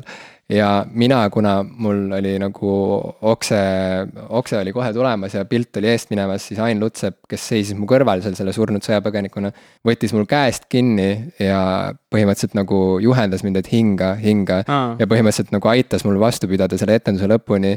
ja siis mu peas kohe nagu sai see story siukse nagu väga ilusa lõpu, kus. see on väga nagu, ilus lõpp. me alustasime Jaa. nagu justkui on ju ebavõrdsete ja võõrastena, kus on ju, ma olin nagu väike sitikaste kõrval. ja siis ta selline niimoodi nagu isalikult lõpuks nagu me olime nagu kuidagi nagu siis ma ei tea, mis metafoor see võib olla, aga põhimõtteliselt me seisime seal nagu, nagu selle teatriläve ees siis nagu vennad või nagu jah, et, et see kõik oli nagu kuidagi lõpuks nii, nii armas. aga sa sellega tahaksid öelda nüüd seda, et oma erialal või näitlejana sa ei tunne enam seda petise sündroomi seal, sa nagu tunned, et sa jõudsid sellesse võrdväärsesse tasemesse, kus sa, kus sa saad nagu tõesti selles mugavas tsoonis olla, et sul ei ole seda muret enam, et mina, mina ei, ei saa hakkama nende teiste suurte kõrval. ma arvan, et see vabadus on tekkinud nüüd väga hiljuti ja, ja, ja, ja see sai tekkida ainult siis, kui ma lõpuks nagu äh, leppisin sellega, et äh, ma, noh, see kõlab nagu nii kulunult, kui üldse võimalik, on ju, aga ma põhimõtteliselt nagu leppisin sellega, et ma oskan seda, mida ma oskan ja ma ei pea ennast nagu halvustama, iseennast halvustama sellepärast, et ma kõike ei oska perfektselt ehk siis, et nagu näitlejatel on ka igalühel on oma mingisugune ampluaa, samamoodi kirjanikel. ja igalühel on oma rida ja oma teema ja üks ei ole halvem kui teine. et seda võrdlemist teistega on hästi palju alguses teatrikooli ajal ja nii edasi, et sul on nagu nii suured siuksed iidolid nagu silme ees kelle tasemele sa iial ei jõua, sest et sa ei ole sama nägus kui nemad, sa ei ole sama. Sa ei ole sama nagu hea, ma ei tea, mõnusa häälega näiteks, sa ei ole sama nagu mis iganes, vaata. sa ei ole nii Tom Cruise nagu Tom Cruise. no just täpselt ja, ja kusjuures ka Tom Cruise'i peale ma mõtlesin vahepeal teatrikooli ajal ja kirjutasin sellest äh, Tom Cruise'ist oma sõbrale Uku Uusbergile ka. et kuule, mõtle samamoodi, et kuule, Tom Cruise ju samamoodi tegelikult lihtsalt nagu ärkab hommikul üles see lugu läheb nüüd uuesti algusest peale no sa tead küll, kuhu see lugu jõuab, ühesõnaga. Et ja, ja, et äh, aga ma just kujutan ette, et noh, kirjanike puhul on seda raskem ette kujutada, kirjutamine on võib-olla rohkem selline üksik töö või selline eraldav töö, et sa lähed kuhugi eemale, kirjutad ja siis nagu tuled tagasi. Või vähemalt see on selline visuaalne viis, kuidas ma seda kirjeldaksin, aga näitlejad on ju truppides, näitlejad on koos ühes teatris, näitlejad on koos laval äh, või, või, või teles, et äh, kui palju seal on nagu sellist äh, ma ei tea, vendlust või, või õelust, ei, see ei ole hea. õelust no, sellist, vendluse paralleel vendluse kõrval on õelus. ma tahaks midagi alati. sooneutraalset öelda, äh, sellist nagu kamra-, ei kamraad ka ei tööta. kamraadlus, ei no miks mitte. noh, ütleme sellist ühtehoid-, hoidmist ja, ja, ja üksteise toetamist ja tegelikult äh, rääkida kõikidest nendest sisemistest ebakindlustest, kui vastuvõetud see üldse on. no minu arvates on selles mõttes nagu teatrimaailmas lihtsam olla, et tegelikult see see meenutab seda, mida sa kirjeldasid nagu akadeemilise maailma juures, et või nende ringkondade juures, et, et seal on võimalik inimestel reaalselt nagu jagada oma ebakindlusi ja küsimusi üksteisega ja arutada need teemad läbi Äh, enne kui asi päris hulluks läheb. kuidagi, et on olemas see mingisugune nagu noh, ühesõnaga, et hoitakse nagu üksteist. Et see ei ole mingi kõige rängem võistlus, kus keegi nagu kedagi ei toeta ja keegi ja keegi nagu ei julge ennast avada oma mingisuguste nagu nõrkuste poole pealt. et minu arust kirjanikuna, vaata kui teatris, vähemalt Eesti teatris on ju see nagu, sa, sa küll võrdled ennast teiste inimestega, aga sa võrdled ennast nagu nendega, kes on su ümber või kes on sinu kultuuriruumis. kirjanikuna minu arust on asi selles mõttes nagu natuke pöörasem, et noh, Eestis oleks imelik näitlejana näiteks, et mingi meesnäitleja, noor, kes läheb teatrikooli, et ta nagu hakkab ennast kohe võrdlema näiteks Benedict Cumberbatchiga. ja hakkab nagu mõtlema endast nagu halvasti, et persse, ma ei ole kunagi sama kuidagi nagu väljendusvõimeline kui tema ja ma ei ole kunagi nii ilus ja kuidagi müstiline kui tema. võib-olla see on see on parem viis kui see, et ta läheb oma esimesse näitlemistundi kohale ja juba tunneb, et ta ongi nii hea no okay,. see on nagu võib-olla ka. aga ka seda ma ei kujuta ette, et keegi võiks, noh, okei okay,, tegelikult võin küll ette kujutada, et keegi võiks olla nii enesekindel, aga, aga nagu kirjanikuna su kõrval on nagu kogu kirjanduse ajalugu, sest et kirjandus, oluline kirjandus on oluline väga paljudes erinevates kohtades. ja see tähendab seda, et nagu Shakespeare on Shakespeare nii Jaapanis kui Venemaal kui Eestis kui Kaukaasias, et, et seal see latt on juba kohe nii uskumatult kõrgel, et tegelikult ma ei ütleks, et see on nagu, et see üksi pusimine on nagu hästi lihtne, sest siis sul justkui ei ole kõrval nagu neid äh, konkurente. vastupidi, äh, üksi niimoodi pusima hakates sa nagu näed, kui kuradi keeruline sul on kolm normaalset lauset äh, nagu ritta panna, et, et ma ütleks, et see on lihtsalt nagu, see on teistpidi keeruline, minu arust kirjanikel ei ole eriti mingit oma kogukonda tegelikult nii ma nagu näitlejatel. ma tegelikult nii mõtlesingi, ma just mõtlesingi, et see on lihtsam näitlemisega, sest sa saad minna ja rääkida tegelikult need asjad oma südamelt ära ja tunnetada, et ka teised tunnevad seda, et noh, võib-olla see ei ole nii üllatav, et need inimesed, kes on välja tulnud ja rääkinud sellest, et mul on sellesama sama tundega, et ma olen petis olnud probleeme, et paljud neist näiteks on kirjanikud, sellepärast et seal võib-olla tõesti ei olegi, noh, seal juba selle töö loomust tulenevalt ei saa olla sellist väga tugevat kogukonnatunnet. mida ilmselt on kirjanike klubisid ja ikka sul on noh, nagu kirjanikel on sõpru, kes on ka kirjanikud ja, aga ei ole võib-olla sellist noh, ei käi ja ei kirjuta koos raamatuid ja. erinevatel ajastutel on olnud erinevaid nagu kirjanike seltskondasid mm, -hmm. on elatud mingisugust nagu seltsielu, mis on hiljem kandunud edasi ka kultuurilukku, et on mingid nagu rühmitused ja asjad, aga see koostöö ei ole tegelikult kunagi, tähendab, see ongi kokkuvõttes seltsielu. see on sihuke nagu, käiakse koos nagu, käiakse üksteisel külas, arutatakse asju, juuakse, ollakse üleval hästi kaua ja. käiakse oblikate vahel. jah, käiakse oblikate vahel, et samas kui ikkagi nagu näitlejad ju reaalselt loovad seda tööd koos, reaalselt nad loovad seda koos. seal on mingisugune nagu olemuslik vahe ja ma arvan, et see, et selles mõttes see ebakindlus tuleb ka kuidagi erineva nurga alt äh, ilmselt, ilmselt hiilib ligi näitlejatel ja kirjanikel.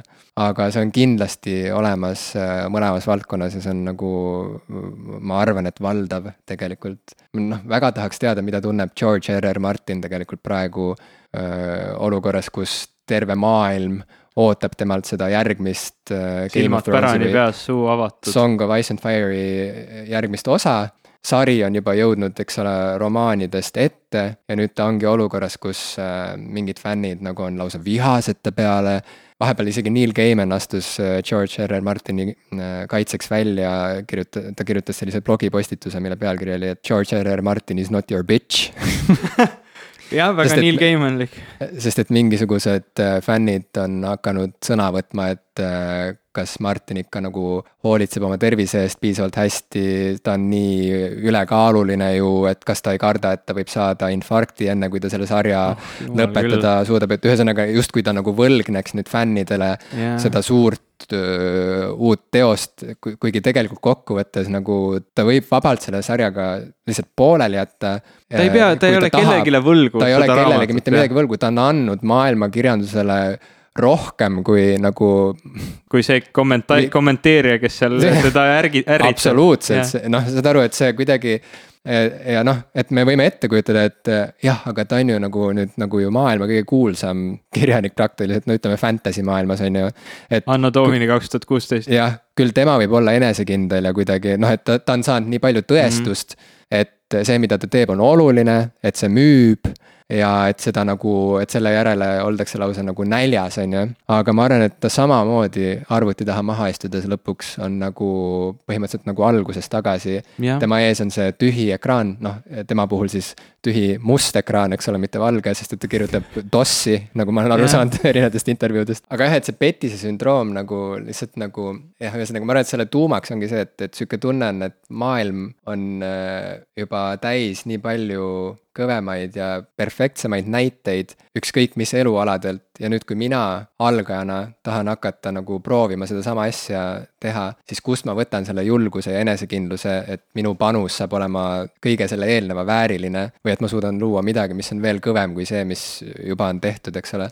ja noh, ma arvan, et see nagu vaigistab ikka päris paljusid nagu talente. Et see juba, et kui sul on juba eos see tunne, et ka kirjanikuna jah, miks mitte, et et sa hakkad kirjutama midagi ja siis mõtled, noh kurat, nagu kellele ma seda kirjutan või nagu miks ma arvan, et see on midagi erilist. seda on tuhat korda juba kirjutatud ja, ja tuhat korda paremini ka et miks ma seda teen ja siis kokkuvõttes ma olen aru saanud, et see lahendus ongi see, et sul nagu endal see huvi selle asja vastu peab olema lihtsalt nagu veel suurem kui see ebakindlus, mida sa tunned selle tegevuse tegemise suhtes. sarnaselt nagu me seda podcast'i hakkasime tegema, me ei teadnud, kas see asi läheb tööle või mitte, aga, ja see ebakindlus oli reaalne, me ei ja, teadnud, kuidas. kes meie oleme ja. raadiosaatejuhtide kõrval näiteks. täpselt, me ei teadnud, kas meil jagub nagu erinevaid ideid, erinevat, et see sari oleks, saatesari oleks jätkusuutlik, me ei teadnud, kuidas meie omavaheline klapp on. aga see huvi ikkagi seda asja proovida oli suurem kui see hirm ja sellepärast me lihtsalt hakkasimegi seda tegema ja siiamaani on jumala äge olnud see on ka selle modernse maailmaga harjumine, sest me elame tõesti mingi kaheksa miljardi inimesega maailmas ja kui meie esivanematel tõesti võis olla selline võimalus olla oma väikese maailma, näiteks oma küla, kus sa võib-olla tihtilugu kaugemale ei jõudnud kui oma kihelkonna näiteks parim kandlemängija, siis äh, olla oma linnas parim ükskõik mis või, või olla oma riigis parim või, või maailmas parim on noh, selle kaheksa miljardilise äh, populatsiooniga ikkagi noh, et mitte öelda võimatu, siis ääretult, ääretult ebatõenäoline, et noh, see lootus olla parim just eriti nüüd, kui näiteks olümpiamaailmas käib, et noh, on näha, mis see, mis see latt on ja, ja kuidas inimesed ennast murravad ja lõhuvad ja, ja hävitavad selle poole püüeldes, et, et see on nagu selline järjekordne modernne haigus, millega me peame mõnes mõttes ennast, me peame kuidagi ennast selle vastu vaktsineerima ja aru saama, kuidas see, noh, natuke mõtlema selle peale, et mis see kontekst on, et sa ei pea olema parim selleks, et asju teha, sa võid olla lihtsalt väga hea selles, mida sa teed ja see on, see on juba, teeb sinust väga-väga hea inimese. kui sa suudad nagu olla selle asja fänn, mida sa teed, siis äh, see on nii kõva kütus äh, edasiminekuks. Ja kõik muu on juba täiesti random, ma olen aru saanud, see, kuidas see välja tuleb, see, mismoodi seda vastu võetakse ja nii edasi, see on kõik nagu, see on kõik nagu muu teema ja mõnes mõttes ja mõnes mõttes tuleb sellesse suhtuda natuke niimoodi, et see on kõrvaline. mulle väga meeldis üks mu selle aasta suuremaid lugemiselamusi on Elizabeth Gilberti raamat Big Magic, mis tõlgiti eesti keelde ka ära, selle pealkiri on Suur võluvägi eesti mm. keeles. ja seal Gilbert räägib väga äh, nagu ilmekalt ja lihtsalt sellest, mismoodi hirm meid kõiki tagasi hoiab igapäevaselt ja sellest, mismoodi hirm on tegelikult nii kuradi igav, et äh, tema ise on ju nüüd üle maailma tuntud kirjanik, eks ole, kuna ta kirjutas yeah. sellise raamatu nagu Eat, Pray, Love yeah.. ja, ja sellepärast on nagu hästi kihvt lugeda, et mismoodi ta reaalselt on tundnud ennast nagu kogu selles nagu eduvirvarris. ja, ja pärast seda, kui ta on ka kirjutanud mingeid muid raamatuid, aga mis ei ole kaugeltki olnud nii edukad kui see üks hitt mille puhul ta ka ise tunnistab, et noh, see on enam kui kindel tegelikult, et tal rohkem sellist äh, õnnestumist ei tule. no see on ka sihuke statistika küsimus, eks. just nimelt ja, ja et miks ta siis seda kõike edasi teeb, sellegipoolest, kuigi ta teab, et tal ei tule nagu rohkem ühtegi sellist nagu number one best-selling äh, raamatut ja minu arust nagu, kui mu mälu mind ei peta, siis see põhipoint seisneski selles, et noh, et sa pead lihtsalt ise nii väga armastama seda asja, mida sa teed, see peab sulle endale nii väga huvi pakkuma, et äh, see, mismoodi see lõpuks nagu müüb või see, mismoodi, see, kui palju sa mingeid auhindu selles pärast saad see peab olema nagu absoluutselt nagu sihuke kõrvaline lisa mm, lihtsalt mingisugune, mingi, need on mingid kõrvalnähud, millele sa ei saa keskenduda, sest kui kohe, kui sa hakkad nagu sellele keskenduma, siis sa kaotad. sa juba nagu, sa juba kaotad, sul kaob ära see motivatsioon neid asju teha ja sa saad aru, et sa oled, sa seisad vastamisi noh, põhimõtteliselt sihukese ületamatu mäega nagu, sest alati sa leiad näiteid inimestest, kes on sinust nagu virtuoossemad, osavamad, äh, leidlikumad mine ainult Youtube'i. jaa, just täpselt, nii et kokkuvõttes lihtsalt nagu see ei olegi üldse nii loll jutt, et äh, ideaalis inimesele võiks meeldida see, mida ta teeb.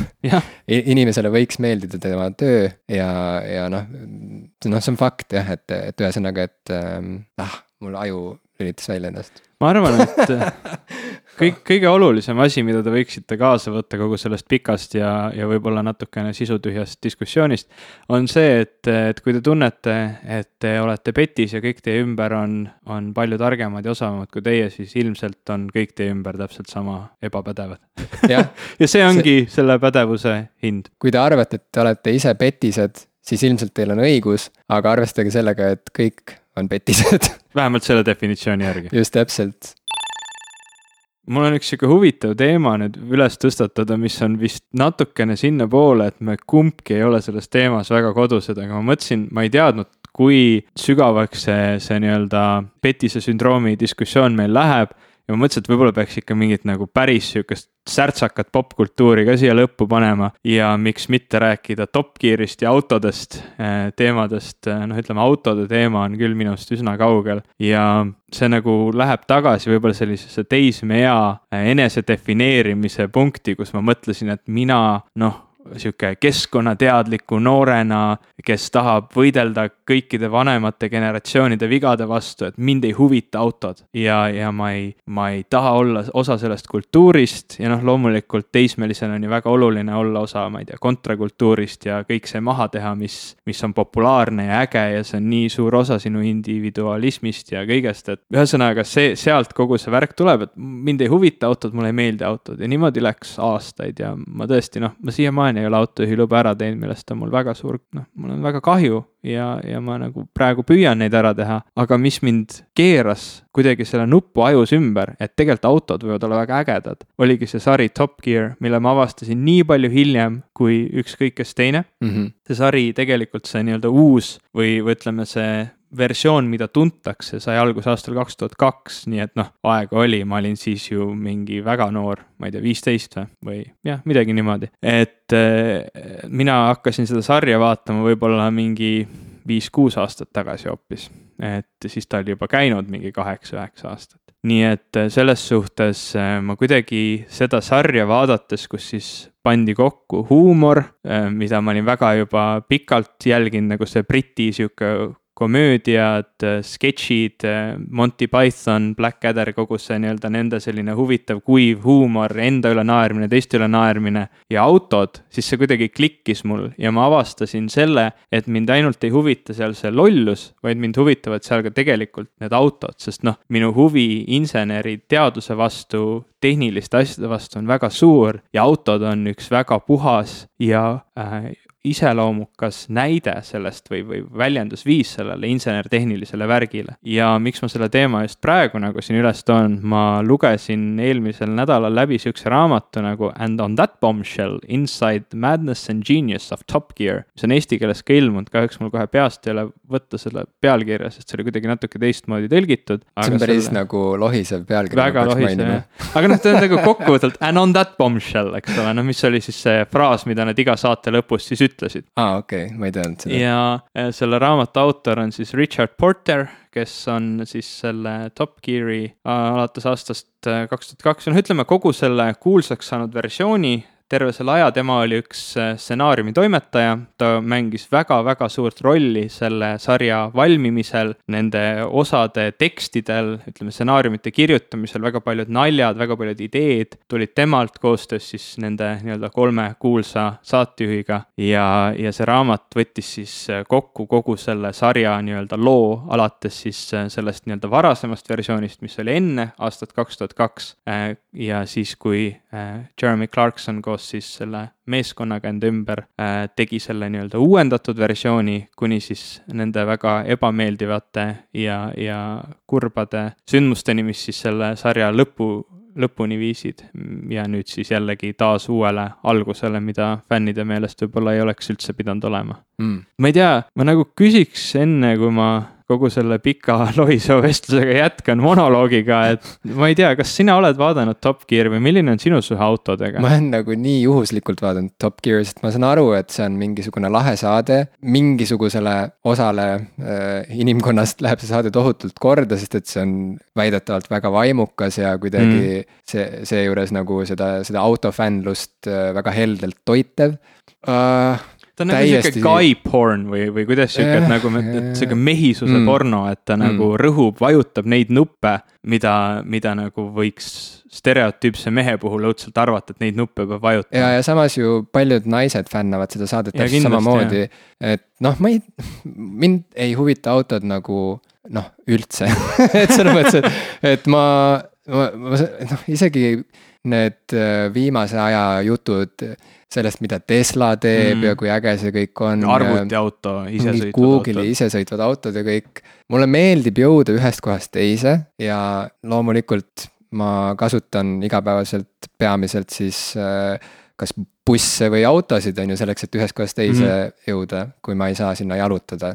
no aga ikkagi nagu, ma mäletan, et ma ei tea, kas mingi kolmandas klassis või midagi, kui me mängisime autokaartidega mm,. Need olid igal bussiekskursioonil ikkagi väga oluline kaaslane. et siis nagu sealt me kuidagi ka poistega muidugi valisime välja oma lemmikautod ja nii edasi ja siis seal olid igavad autod ja seal olid nagu ägedad autod, on ju. mis oli sinu meelest siis äge auto? no ja siis minu jaoks oligi äge auto oli Dodge Viper, ühesõnaga ja ma saan yeah. aru, et ma lihtsalt läksin täispangale, et mulle meeldis see kõige nagu, no see kõige V8 nagu... muskelauto Ameerika see... unistus sihuke. no see kõige, kõige jõhkrama välimusega auto, mis nägi välja nagu, ma ei tea, et kui Batman oleks auto, siis, siis mm, -hmm. siis ta oleks selline. et kuidagi nagu tänapäeval või, või praegusel ajal mu suhe autodesse ongi umbes samal tasemel et minu jaoks ena-, enamik nagu suurem osa autodest näevad välja nagu seebikarbid või, või nagu mingid muud igavad asjad, ma ei tea, hambaharjahoidjad. ja neis ei ole mitte mingit nagu fantaasiakübetki juures. Nad on nii nagu, noh, nad on nagu mingi kuradi nagu tolmuimejad, mis lihtsalt veerevad mööda teid edasi-tagasi. Ja, ja kui kuskilt hüppab välja mõni nagu eriti eriskummaline auto, siis loomulikult nagu see on, see on kihvt asi, mida näha ja ma arvan, et ideaalis võiksidki olla autod nagu sama šefid, kui nad olid, ma ei tea, viiekümnendate, kuuekümnendate Ameerikas. mulle väga meeldiks see, aga ma olen aru saanud, et see vist on kuidagi ebapraktiline, sest nad on nagu mingid nagu rohmakad ja ei ole piisavalt voolujoonelised ja see omakorda on kütusekulukas ja, ja, ja nii edasi, ma ei tea, aga ühesõnaga minu arust nagu ma, ma, rohkem ei oskagi nagu autodest mitte midagi rääkida, et see Top Gear ka nagu. ma saan idee poolest aru, et see on tore saade, aga mul on nagu täiesti täiesti suva. sa tõmbasid nii selle vestlusentusiasmi praegu alla oma, oma sellise, selle jutuga, eriti arvestades seda, et sina olid see, kes kirjutas autot sinna üheks teemaks. aga ma võib-olla püüan sulle siis ära, ära selgitada nagu selle, mida mina selle juures nüüd huvitavaks pean, tulles ja. tegelikult täpselt samast kohast, et mind tegelikult üldse ei huvitanud autod. väga hea, see on hea lähtepunkt tegelikult, palun seleta mulle ära miks sa jõudsid nii kaugele, et sa lugesid läbi raamatu Top Gear'i telgitaga, tagustest, autosaate telgitagustest, kuidas sa sinna punkti jõudsid ja, ja mismoodi see sind muutis? Selles suhtes ma olen sinuga nõus ja nüüd paljudele, ma ei tea, meid ei kuula ilmselt ükski päris autodisainer, aga autodisainerite meelehärmiks pean ma tõesti nõus olema, enamus autod näevad küllaltki koledad ja halvasti disainitud välja või noh, tegelikult mitte halvasti disainitud, nad on ohutult disainitud, nad näevad välja nagu kõik teised autod, nad on tihtilugu kõik ühtesid halle, pruune, siukseid tagasihoidlikke toone. Nad on ühtemoodi disainitud olema voolujooneliselt kütust äh, hoidvad või säästvad. ühesõnaga, nad näevad küllaltki igavad välja. keegi teadlikum inimene ükskord seletas mulle, et autod muutusid igavateks siis, kui hakati Äh, keredisaine testima nendes tuuletunnelites. no sa, sa liigud nagu ühe sellise ideaalini või ühe sellise parima variandini, aga noh, ütleme ka seal on tegelikult noh, firmad, kes panevad rohkem raha disainile, firmad, kes panevad selle oma suuremaks eesmärgiks, jällegi need autod on tihtilugu ka kallimad, eks ole, ikkagi saavutavad selliseid väga huvitavaid disainielemente ja huvitavaid autosid ja tegelikult seal ongi see huvi, sa sa ei ilasta kunagi nende kõige odavamate, igavamate autode üle, vaid sa vaatad ikkagi neid ideaalseid näiteid selle inseneri vormi sihukesest noh, väljendumisest. Ja, ja kui ma mõtlen, et mis mind huvitab, kui ma vaatasin, kuidas tehti Rolls-Royce'i, neid uusi Rolls-Royce'e, mis ta on vist Phantom või midagi sihukest, ma nüüd täpselt seda nime ei tea, kui sa vaatad, kuidas see töö seal tehases toimub, milline teadus, milline käsitöö, milline teadmiste pagas seal taga peab olema, et üks selline meeletult luksuslik ja võib-olla mõnes mõttes sihuke üüratult äh, mõttetu auto, sihuke nii-öelda noh, oma rikkuse näitamise, siukse, ma ei tea, klassi näitamise auto, et kuidas see valmib, siis noh, kuigi see, see kõik, mille eest see auto seisab, ei pruugi mulle huvitav olla, aga vaadata, kuidas see asi nagu toimub, kuidas valitakse need nahad, kuidas käib see käsitsi õmblemine, kuidas valitakse need puutükid, et need mustrid ühtiksid noh, sada protsenti. Suur osa selle auto raamist on alumiiniumist ja alumiiniumi keevitamine on tehniliselt ääretult keeruline, sest alumiinium ei kannata nii palju kuumust kui näiteks teras. ja terve selle auto lagi või see katuse osa on üks suur tükk alumiiniumit seal on nagu kaks meest, hakkavad keevitama samal ajal ja siis keevitavad kuni lõpuni välja, tõstavad täpselt ühel hetkel need, need seadmed sealt maha ja siis see katus on seal küljes mm.. ja need on mingid eriti spetsid keevitajad seal tehases, keda ongi need kaks tükki ja, ja need on noh, no see on sihuke elukestev õpe, et sinnamaani jõuda mm. -hmm. ja, ja lihtsalt kõik see nagu hakata mõtlema selle, selle ajaloo peale, kust need autod tulevad, kogu see disain, kuidas see mootor töötab. kuidas kõigepealt, eks ole ju oli lihtsalt nagu me oleme Flintstonesist näinud, et inimesed lihtsalt ja, nagu. jalgadega pidid lükkama. autol põhja ei ja. olnud ja sa nagu jooksid põhimõtteliselt auto kere sees on ju ja, ja siis auto. rool oli kivist, sihuke suur lätakas, eks ole, rattad ka, noh, seda, see ei ole kütuseefektiivne, seda suurt kivimürakat nagu edasi vedada mm. -hmm. me pidime kuidagi jõudma sinnamaani, et meie autod on alumiiniumist ja, ja, ja süsinikfiibrist ja ja palju huvitavamatest materjalidest mm -hmm. kui mhm. kivi, kuigi kivid võivad ka väga huvitavad olla. ühesõnaga, see oligi nagu see, mis mind sisse tõmbas ja seal mängis väga suurt rolli tegelikult Top Gear, sest kuigi võib-olla paljud tahavad ennast seostada selle Jeremy Clarksoniga, kes on eh, isiksus suurem kui elu ise, ta, ta on selline väga, ta on paljudele vägagi meeldiv või huvitav tegelane just sellepärast, et ta, ta julgeb välja öelda täpselt seda, mida ta arvab, ta julgeb olla rumal, eh, ta julgeb olla ebakorrektne ja noh, mis, mida iganes tema kohta siis välja öeldakse, kuigi huvitaval kombel tegu on vägagi nohikliku härraga, kes eh, teab väga hästi tegelikult, mida ta teeb, ta on väga erudeeritud, ta on väga haritud inimene, kes huvitub väga sügavalt ajaloost, eh, tehnikast, inseneriteadustest, teadusest üldisemalt, aga noh, ta teab ka seda, seda, mis on meelelahutus, ta teab ka seda, kuidas inimesteni jõuda mm. -hmm. mina kunagi ei samastanud ennast väga selle Jeremy Clarksoniga, mind huvitas hoopis see nii-öelda vaiksem, pikajuukseline James May seal kõrval mm, -hmm. äh, kelle saateid ma olen pärast noh, lisaks Top Gearile veel mitmeid jälginud, kus ta tegelikult äh, minu jaoks, tema oskab rääkida huvitavalt kasvõi sellest, kuidas muruniiduk on kokku pandud eks mm. ole, vaata, mina olen selline inimene, kes tahab asju lahti võtta, juppideks võtta ja vaadata, mis seal sees on. ja, ja siia auto... ääremärkusena ma mainin, et sa saatsid mulle viimati mingisugune videoklippide mingisuguse seeria, mis kokku võis kesta, ma ei tea, tund või poolteist Umbes tundi, mille kohta sa kirjutasid ka hoiatavalt, et, et kui sul on palju vaba aega, siis vaata seda ja põhimõtteliselt seal näidati siis, kuidas üks vend kodus juppidest ehitas oma GameBoy, kasutades vist Raspberry Pi. Zerot jah, tehnoloogiat, ühesõnaga jah, sulle vist meeldib vaadata, kuidas asju juppidest kokku pannakse. mul on sihuke tunne, et ma selle videoseeria mitte küll täies pikkusega, põhimõtteliselt vaatasin kaks korda läbi hoolimata sellest, et mul võib-olla ei ole otsest plaani seda ise teha, aga lihtsalt seda oli nii huvitav jälgida, milliseid valikuid ta tegi selle lahenduse noh, koostamisel ja, ja, ja mis ta nagu need mõtted, eesmärgid olid. okei okay. Ja täpselt see tegelikult mind paeluski nii Top Gear'i kui, kui ka nende tegelaste juures, kes seal olid, sest see ei olnud, see ei olnud lihtsalt auto autosaade, see oli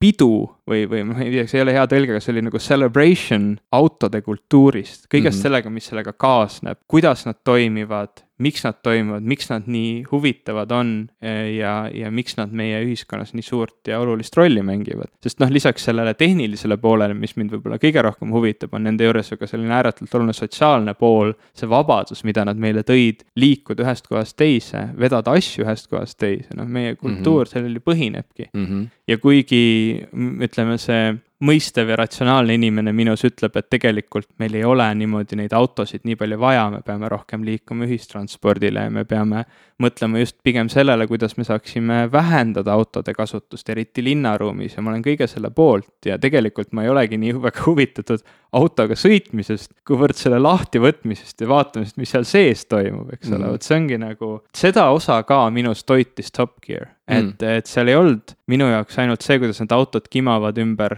ümber selle raja. minu jaoks nagu paljudegi jaoks olid kõige huvitavamad need siuksed noh, mis nad, kutsusid nagu challenge'id või sellised äh, erisaated, kus nad tegid mingi katse, et püüame ehitada äh, autod, mis suudavad sõita nii maal kui vees ja, ja mis valikud nad siis tegid, et noh, kuigi need olid siuksed äh, võib-olla mitte kõige intelligentsemad otsused ja ratsionaalsemad otsused, vaid need olid kõige meelelahutuslikumad otsused ja need olid ääretult teadlikult tehtud mm -hmm.. mistõttu selle raamatu lugemine nagu ka annab sellise huvitava pilgu sellesse, kui palju tegelikult oli ette planeeritud ja läbimõeldud seda nii-öelda faktuaalset saadet et siis ähm, see vaadata, millised valikud nad tegid, mis toimis, mis ei toiminud, miks ei toiminud, see nagu oli mulle nagu ääretult huvitav, et see hetk, kui see auto sõitis seal kiiremini kui teine auto ümber selle ringraja, ei olnudki nagu nii põnev. kuigi ka see, kui mõni auto suutis seal teistest väga palju kiiremini sõita, noh, seal oli igasugused need sellised insener-tehnilised lahendused, mis seda võimaldasid ja see on kindlasti ääretult põnev, et äh, ausalt öeldes minu jaoks nagu jah, see, mis kapoti all toimub, on nagu palju põnevam kui see, mis ma temaga teha saan selle autoga lõpuks mm. -hmm. ja eriti arvestades seda, et ma oskan autot juhtida, aga mul ei ole ikka veel autojuhi lube käes mm. -hmm. ja ma oskan autot juhtida, on selline asi, mida ma võib-olla saan siin öelda ainult paar kuud ja tegelikult olgem ausad, ma ei oska autot hästi juhtida. ma vaevu suudan temaga linnaliikluses hakkama saada mm, mis on ka, mille tõttu ma ikka olen veel autokoolis, eks mm. -hmm. mitmendat aastat nüüd? esimest, mul ei ole üks aastagi veel. aa, sul ei ole, okei okay.. ma, ma, all, ma alles läksin autokooli. ja sa ei ole selline nagu mina, kellel varsti tiksub täis kümme aastat autokoolis. ma vaatasin enne viis aastat Top Gear'i, kui ma autokooli üldse läksin. aga ma pean nõustuma selles osas, et äh, mulle Top Gear'i puhul jah, meeldis see lähenemine asjadele, millest kumas läbi sellist nagu kuidagi nagu julgust lihtsalt nagu arvata äh, seda, mida iganes nad nagu arvasid mm -hmm. nende erinevate autode ja autotootjate kohta. ehk siis, et kui sa näed, et keegi kuskil äh, omab mingit isiklikku suhet äh, oma temaatikaga, siis see juba on natukene kaasahaarav. sa ei pruugi mõista, mis asi see on, millega nad seal tegelevad sa ei pruugi aru saada, et mis seal nii erilist on või nii huvitavat, et sellega nagu päevast päeva peaks tegelema. aga kui sa näed, et inimesed on kirega asja juures ja, ja neil reaalselt on nagu mingisugune suhtumine või mingi suhe mingitesse erinevatesse automudelitesse.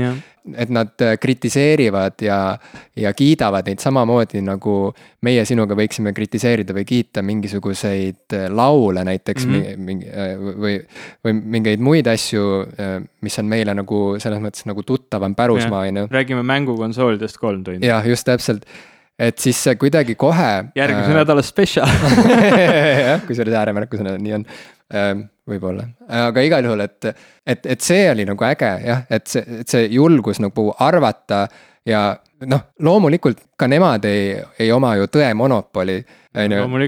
Jeremy Clarkson ei tea tegelikult päriselt, mis on maailma parim ja kõige ilusam auto, sest sellist ja. autot ei olegi olemas. ta lihtsalt teab, mida tema arvab. just täpselt, aga just see, et tal on olemas mingisugune oma arvamus ja me näeme, et, et ta on nende arvamuste väljendamises nagu järjekindel ja järjepidev. ja et teda ennast huvitab see, mismoodi ta oma arvamust saaks korrigeerida või muuta, ühesõnaga, et see on mingisugune sihuke elav suhe ja. oma temaatikaga ja see on see, mida me tegelikult igas valdkonnas, ma arvan, igatseme.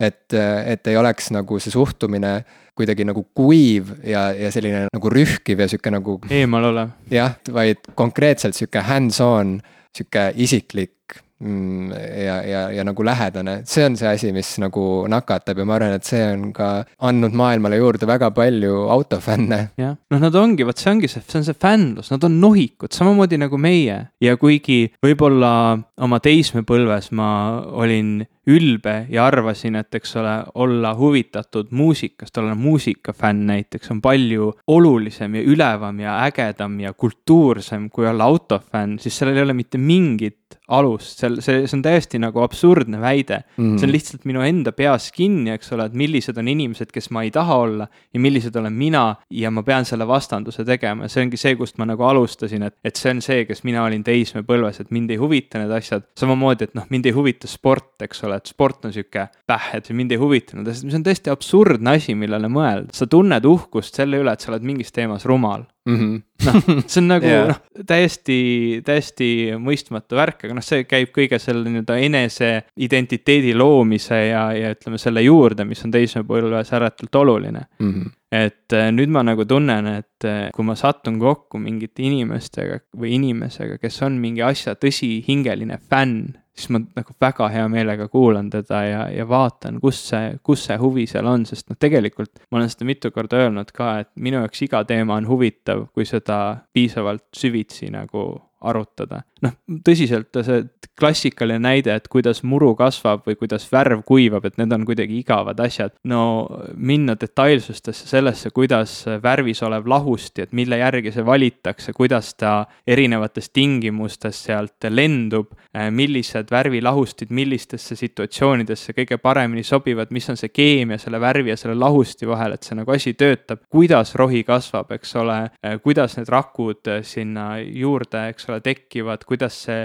leht saab vett, kuidas klorofüll toimib, kuidas see leht saab energiat ja nii edasi, see kõik on nagu ääretult, ääretult huvitav, kui sinna detailsustesse sisse minna. ja kui lihtsalt üks tänaval mööda sõitev auto ei ole huvitav, siis nagu mõelda kõigele sellele, kuidas me jõudsime üldse sinnamaani, et see auto töötab ja saab olla nii odav ja nii nii-öelda ühtse igava tuuletunneli disainiga, see on nagu tegelikult ääretult suur ja põnev ja lahe teema ja mul on nagu väga hea meel, et oli selline autosaade, noh, tegelikult on edaspidi, kes suudab võtta ka minusugused nii-öelda inimesed, kes võib-olla ei huvita need autod ja, ja tõmmata sellesse teemasse sisse ja näidata, et tegelikult sa oled asjadest valesti aru saanud. ma olen mõelnud sellele, et meie sinuga siin seda saadet tehes me räägime nii erinevatest teemadest, et alati meil ikka jälle tuleb keegi, et oo, te teete nii ägedat saadet, mulle see teema õudselt meeldis, aga no see teine teema, ma ei ole nagu sellest väga huvitatud, et ja, ja, et kuna me räägime neid teemasid nii palju erinevaid ja püüame, noh, vähemalt ma arvan, et me püüame iga kord nagu leida selle vinkli, miks see meid huvitab mm. -hmm. et nagu tõmmata inimesi kaasa ka sellesse mõttemalli, et tegelikult kõik on huvitav, kui sa sellesse piisavalt lähedalt nagu lähened. mm. -hmm. jaa, sada protsenti nõus. jaa, see on väga äge, ma saan siit sinu Top Gear'i lahtiseletusest endaga kaasa võtta selle lihtsa lause, mis sa ütlesid, et ma sõnastan ümber, aga et nii kuradi tobe on olla uhke selle üle, et sa oled mingis teemas rumal. Et see on. kusjuures selle ma sain, selle väljendi ma sain äh, selliselt mustkunstnikult nagu Penn Jillette, kes on kuulsast mustkunstnike duost Penn and Teller mm.. ma soovitan uurida nende kohta, nad on teinud väga ägedaid, nende see mustkunstietendus on äge, aga mis on veel ägedam, nad on vägagi ähm, avalikkusele tuntud äh, skeptikud, noh, nii-öelda siis nemad lähtuvad siis teaduslikust infost ja paljastavad siis erinevaid petiseid, nad on väga palju koostööd teinud sellise väga tuntud petise paljastaja mustkunstnikuga nagu James Randi, et nendel oli kunagi selline saade siis Penn and Telleril nagu Bullshit, kus nad siis igas osas rääkisid mingist teemast ja selgitasid, miks see on nende arvates bullshit mm. -hmm. Nad ei tohtinud öelda, et need inimesed on petised või et need inimesed valetavad, sest see käib Ameerikas, no sa ei saa telekas minna ja öelda, et see inimene valetab, see on, sind kaevatakse kohtusse mm. -hmm. aga sa võid öelda, et see jutt, mida ta räägib, on bullshit et see oli nagu täiesti okei okay.. see sari on vägagi sihuke ühekülgne, ta on painutatud, nad viskavad nalja seal, ta ei ole mitte mingil viisil nagu ütleme, ei tasuks teda võtta ainulaadse tõena, sest ta ei ole seda, ta on kahe inimese vaade mingile asjale ühe nurga alt, aga see oli ääretult meelelahutuslik, jah. aga tead, Ivo, mis minu arvates ei ole bullshit? popkulturistid. ei ole. ja sellega seoses äh, veel kord räägime sellest, millest me rääkisime ka saate alguses. meil on väga lahedad kuulajad, kes kirjutavad meile ja osalevad aktiivselt dialoogis meiega ja meil on väga selge ja kindel teadmine sellest, et meil reaalselt ongi mingisugune oma kogukond selle saate ümber tekkinud ja nüüd me reaalselt ulatame oma kogukonnale sellise terekäe või võib-olla ka siis nagu, ma ei tea, et tulge meile partneriteks käe sellisel platvormil nagu Patreon, patreon.com, mis on ühisrahastusplatvorm, mis põhimõtteliselt võimaldab meie kuulajatel toetada reaalselt selle saate tegemist, sest et selle saate tegemisega kaasnevad erinevad kulutused nagu veebimajutus äh,, transport, tehnika, millega me seda saadet salvestame ja monteerime. Ivo sööb vahepeal palju šokolaadi. Vale! Ühesõnaga, et, et me, me teeme seda saadet mm. edasi see saade ei lähe tasuliseks, see kellelegi praegu... mingeid piire ette ei ja. tule, kõik on kuulama oodatud. ükskõik, kas te meid seal Patreonis toetate või mitte, see ei ole üldse oluline meie jaoks, meie oleks lõpptulemusena olulised teie. aga kui teie ise tunnete, et teil on see hetk, kus te mõtlete, need kutid on kihvtid, võib-olla annan neile paar dollarit, et, et seda asja edasi teha ja et nad on mulle tundide viisi meelelahutust pakkunud, siis me lihtsalt ütleme teile nagu seda, et te olete oodatud seda tegema, te olete oodatud meid lihtsalt selle, selle asja juures äh, mingil määral abistama, et sellest on väga palju kasu. just täpselt, sellest on väga palju kasu ja sellest on väga palju abi, see oleks väga-väga äge, kui te aitaksite meil seda saadet teha ja kõik vajalikud lingid äh, Patreoni lehele leiate meie saate märkmetest, meie Facebooki lehelt, meie koduleheküljelt, meie Twitterist, igalt poolt. ühesõnaga, vaadake seda Patreoni lehte ja mõelge, kas te tahate ulatada meile abikäe või mitte, aga noh, peamine on see, et te meid üleüldse kuulaksite ja soovitaksite sõbrale ka, kui on mingisugune äge episood, millest yeah. eriti äh, vaimustute ja kirjutage meile popkulturistid.gmail.com. just täpselt. ja miks mitte ka Facebooki. jah, mul on meiliprogrammid kõik kinni keeratud, mina neid meile ei loe, aga Ivo loeb ja siis yeah. prindib selle äh, kirja mulle välja, prindib need kirjad mulle välja. saadab need postiga mulle ja siis ma seal Läänemaal äh, hüppan ratta selga, sõidan postkontorisse, mis on üks kord, üks tund nädalas ei. avatud ja siis lähen loen üle need meilid. ei, Ivo ei tee seda, ei. okei okay,, siis noh, jääb ära, Ivo loeb. ma kirjutan sulle võib-olla, et aa, mingi lahe kiri tuli ja siis sa juba ilmselt murdud ja lähed seda vaatama. Ah, okei okay,, sobib. sobib